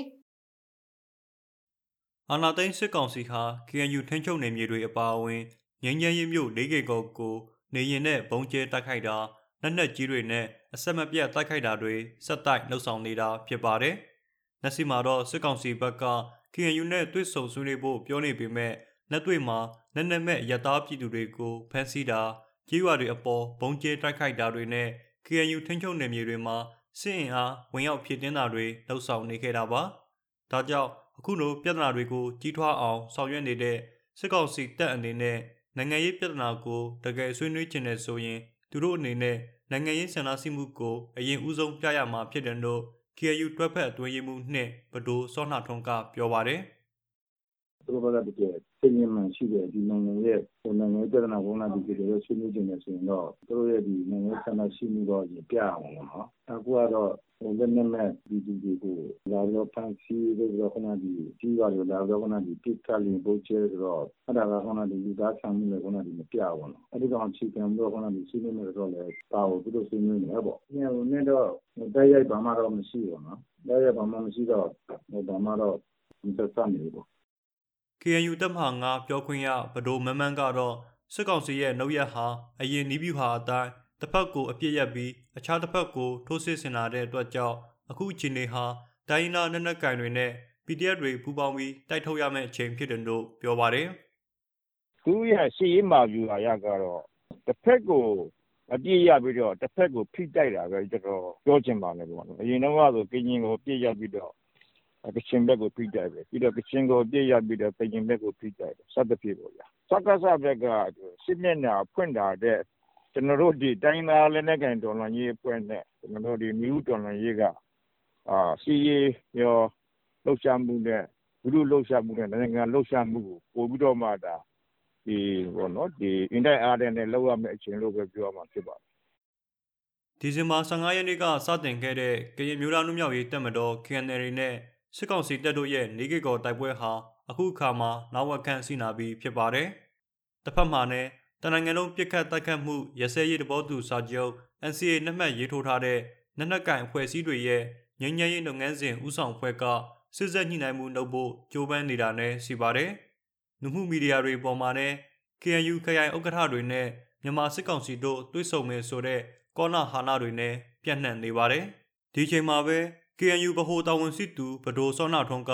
စစ်ကောင်စီဘက်ကငြိမ်းချမ်းလို့တဲ့နိုင်ငံရေးဆန္ဒကိုမပြနိုင်ဘူးဆိုရင် ဆွေးနွေးမှာမဟုတ်ဘူးလို့ထုတ်ဖော်ပြောဆိုလိုက်တာဖြစ်ပါတယ်။စကိုင်းတိုင်းကလေးမြို့နယ်တောင်ပိုင်းမှာစစ်ကောင်စီတပ်ဖွဲ့တွေကဆက်လက်ပြီးတော့ထိုးစစ်ဆင်တိုက်ခိုက်နေပြီးဒီဇင်ဘာလ29ရက်နေ့မှာဟာခါလေးရေဆိုကြီးရွာဘက်မှာတိုက်ပွဲတွေပြင်းထန်ခဲ့ပါတယ်။စစ်ကောင်စီဘက်ကအကြအဆုံးများတယ်လို့လည်းပြည်သူ့ကာကွယ်ရေးတပ်ဖွဲ့တွေဘက်ကပြောပါတယ်။အကြောင်းစုံကိုတော့စုံစမ်းထားတဲ့ကိုရောဘက်ကစူးစီးတင်ဆက်ပေးထားပါတယ်။ စစ်ကောင်စီတပ်ဟာကလေးမြို့နယ်တောင်ပိုင်းနတ်ချောင်းကျေးရွာကနေအနောက်ဘက်ချင်းတောင်ချီဟာခါလေးနဲ့ရီဆူကျေးရွာဘက်ကိုဒီဇင်ဘာလ29ရက်နေ့ကစစ်ကြောင်းထိုးလာပြီးကလေး PDF CNDF ကလေးတပ်မဟာဇုံမီ PDF ပြည်သူ့ကာကွယ်ရေးအဖွဲ့ပကဖပူပေါင်းတပ်ဖွဲ့တို့နဲ့တိုက်ပွဲပြင်းထန်ခဲ့တာဖြစ်ပါတယ်။မနေ့ကဖြစ်ပေါ်တဲ့တိုက်ပွဲဟာမနေ့ပိုင်း9နာရီကနေညနေပိုင်း3နာရီလောက်အထိကြာမြင့်ခဲ့ပြီးတိုက်ပွဲအခြေအနေနဲ့ပတ်သက်ပြီးကလေး PDF ပြောရေးဆိုခွင့်ရှိသူကိုဗစ်တာကခုလိုပြောပါတယ်။မနေ့ကမနေ့စောစောပိုင်းကလေးကစပြီးတော့မှဒီစစ်ကောင်စီတပ်တွေကသူတို့ရင်ရက်ကတော့သူတို့ဒီနှချောင်းရွာထဲမှာတက်ဆွဲထားတာပေါ့နော်ဒီကနေနှချောင်းကနေသူတို့အနောက်ဘက်ကိုတဖြည်းဖြည်းတိုးလာတာပေါ့ချောင်းကွာချောင်းကွာနေမှာဟာခါလေးပဲထိသူတို့တိုးလာတာပေါ့နော်ဆိုတော့အဲ့လိုအနေထားမှာဒီဟာခါလေးနဲ့အဲနောက်ကိုဆက်တိုးရင်ရီဆိုကြားမှာပေါ့နော်ရီဆိုကြားမှာစပြီးတော့မှထိတွေ့တိုက်ပွဲဖြစ်ခဲ့ရပါဗျာ ဒီပူပေါင်းတပ်ဖွဲ့တွေကနေပြီးတော့မှ စစ်ကောင်စီတပ်တွေကိုဒီဟာကလေးနဲ့ ရေဆိုကြားမှာ စတင်ပြီးဖျက်တောက်တိုက်ခိုက်တယ် အဲ့ဒီကနေ9နာရီကနေပြီးတော့မှအဲညနေပိုင်းညနေပိုင်းဒီ3နာရီ4နာရီ ပတ်ဝန်းကျင်ထိ တိုက်ပွဲဖြစ်ပွားခဲ့ပါတယ်ဗျအဲ့ဒီတိုက်ပွဲမှာပြည်သူ့ကာကွယ်ရေးပူးပေါင်းတပ်ဖွဲ့တွေရဲ့စနိုက်ပါလက်ချက်နဲ့မိုင်းဆွဲတိုက်ခိုက်မှုကြောင့်စစ်ကောင်စီဘက်ကအနည်းဆုံး15ဦးသေဆုံးခဲ့ပြီးပူးပေါင်းတပ်ဖွဲ့ဘက်ကတော့အကြဆုံးမရှိခဲ့ဘူးလို့ကိုဗီတာကဆက်ပြောပါတယ်။နေရာကောင်းနေရာနေထောက်ပြီးတော့မှစနိုက်ပါနဲ့ပစ်တယ်ပေါ့နော်။အဲနောက်ပြီးတော့ဒီနေ့လေတနာရီကြော်ကြော်လောက်မှာတော့ဒီတို့တဖြည်းဖြည်းတိုးလာတဲ့အခါမှာကျွန်တော်တို့အေးရေဆိုရွာမရောက်ခင်ပေါ့နော်။ဟာကလည်းဘက်ကနေလာရေဆိုရွာဝင်လောက်မှာတို့ကျွန်တော်တို့ဒီအတင်းကျွန်တော်ထောင်ထားတဲ့အဲတွဲလိုက်ကျွန်တော်ထောင်ထားတဲ့မိုင်းတွေကျွန်တော်တို့ဖောက်ခွဲတိုက်ခိုက်လိုက်တာမှလည်းစစ်ကောင်စီတပ်တွေဘက်ကတော်တော်လေးထိနာသွားပါတယ်ဗျ။မနေ့ကတိုက်ပွဲတွန်းမှာတော့ကျွန်တော်ပူပေါင်းတပ်ဖွဲ့တွေဘက်ကတော့အထိခိုက်ကြဆုံးမရှိပါဘူးဗျ။ရန်သူစစ်ကောင်စီဘက်ကတော့15ဦးပတ်ဝန်းကျင်တော့ကျွန်တော်တို့ကြဆုံးမဲ့လို့ကျွန်တော်တို့သိရပါတယ်။ ဟာခါလေးနဲ့ရေစုကျေးရွာဟာကလေးမြို့ကနေ15မိုင်ကျော်ကွာဝေးပြီးနတ်ချောင်းဝေဘူးလဖလန်းဘက်ဆက်သွယ်တဲ့ကားလမ်းမပေါ်မှာတည်ရှိတဲ့ကျေးရွာဖြစ်ပါတယ်။ဒီကနေ့မှာတော့စစ်ကောင်စီတပ်တွေဟာဟာခါလေးကျေးရွာကနေပါမွန်ချောင်းကျေးရွာကိုတဖြည်းဖြည်းတိုးလာနေပြီးနှစ်ဖက်ထိထွေးမှုမရှိသေးပေမဲ့တိုက်ပွဲတွေကပုံမူပြင်းထန်လာနိုင်တယ်လို့ကလေး PDF ပြောရေးဆိုခွင့်ရှိသူကပြောပါတယ်။ဒီနှစ်ချောင်းတဝိုက်မှာဖြစ်နေတဲ့ဒီအနေထားကတော့ဒါစစ်ကောင်စီ ဘက်ကနေပြီးတော့မှကလေးကန့်ကောလမ်းမော်ကြီးကိုပြန်လဲစိုးမိုးနိုင်ဖို့အတွက်ဒါသူတို့စူးစမ်းနေတယ်စစ်ကောင်စီဘက်ကဒီပိတ်ဆို့ဖြတ်တောက်ဖို့အတွက်စူးစမ်းလာတဲ့ဟာကိုကျွန်တော်တို့လက်နက်ကိုင်အင်အားစုတွေဘက်ကလည်းဒီကျွန်တော်တို့ပူပေါင်းအင်အားစုတွေဘက်ကလည်းဒီအကောင်းဆုံးကျွန်တော်ပြန်လဲတုံ့ပြန်လဲတုံ့ပြန်နိုင်ဖို့အတွက်စီစဉ်နေတဲ့အတွက်ကြောင့်မို့တိုက်ပွဲတွေကတော့ပြောရတော့ပို့ပြီးတော့မှပြင်းထန်လာမယ့်အနေအထားရှိပါတယ်ဗျစစ်ကောင်စီတပ်ဟာပြီးခဲ့တဲ့ဒီဇင်ဘာလ23ရက်နေ့ကလေးကကလေးမြို့နယ်တောင်ပိုင်းနတ်ချောင်းကြီးရွာဘက်ကိုစတင်စစ်ကြောင်းထိုးလာပြီးပြည်သူ့ကာကွယ်ရေးပူးပေါင်းတပ်ဖွဲ့တွေနဲ့နေစီရက်ဆက်တိုက်ပွဲဖြစ်ပွားနေခဲ့ကြတာဖြစ်ပါတယ်အဲ့ဒီတိုက်ပွဲတွေကြောင့်နတ်ချောင်းချောင်းကွဟာခါလီယေဆူပါမွန်ချောင်းစတဲ့ကြီးရွာကဒေသခံပြည်သူတွေဟာလည်းတောရဲကိုဥအိမ်စွန့်ခွာထွက်ပြေးတိမ်းရှောင်နေကြရပါတယ်ခင်ဗျာ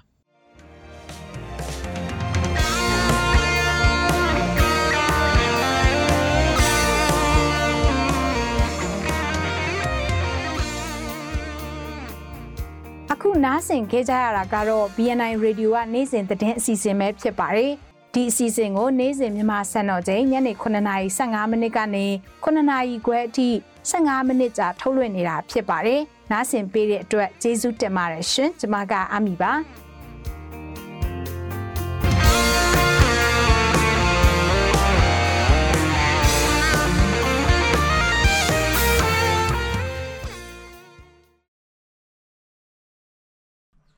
မြစီမာရေဒီယိုရဲ့ဒီကနေ့ညရဲ့သတင်းတွေကတော့ဒီလောက်ပါပဲမြန်မာနိုင်ငံသူနိုင်ငံသားအပေါင်းဆရာနာရှင်ဘေးကနေကင်းဝေးပြီးကိုစိတ်နှပါကျန်းမာချမ်းသာပါစေလို့မြစီမာရေဒီယိုအဖွဲ့သားတွေကဆုတောင်းမေတ္တာပို့သလိုက်ရပါတယ်မြန်မာပြည်သူများနဲ့အတူရက်တည်နေမဲ့မြစီမာရေဒီယိုပဲဖြစ်ပါတယ်နားဆင်ကြကြသူတွေအားလုံးကျန်းမာကြပါစေရှင်မင်္ဂလာရှိတဲ့ညချမ်းကိုပိုင်ဆိုင်နိုင်ကြပါစေရှင် မြစီမာရေဒီယိုကိုမြန်မာနိုင်ငံနဲ့အရှေ့တောင်အာရှဒေသတွေမှာနေ့စဉ်မြန်မာစံတော်ချိန်ည6နာရီခွဲကနေည9နာရီခွဲအထိလိုင်းဒိုမီတာ16မီတာစက္ကွန်ဒသမခွန်3 MHz တို့ကနေပြီးတော့ဖမ်းယူနိုင်နိုင်ပါပြီ။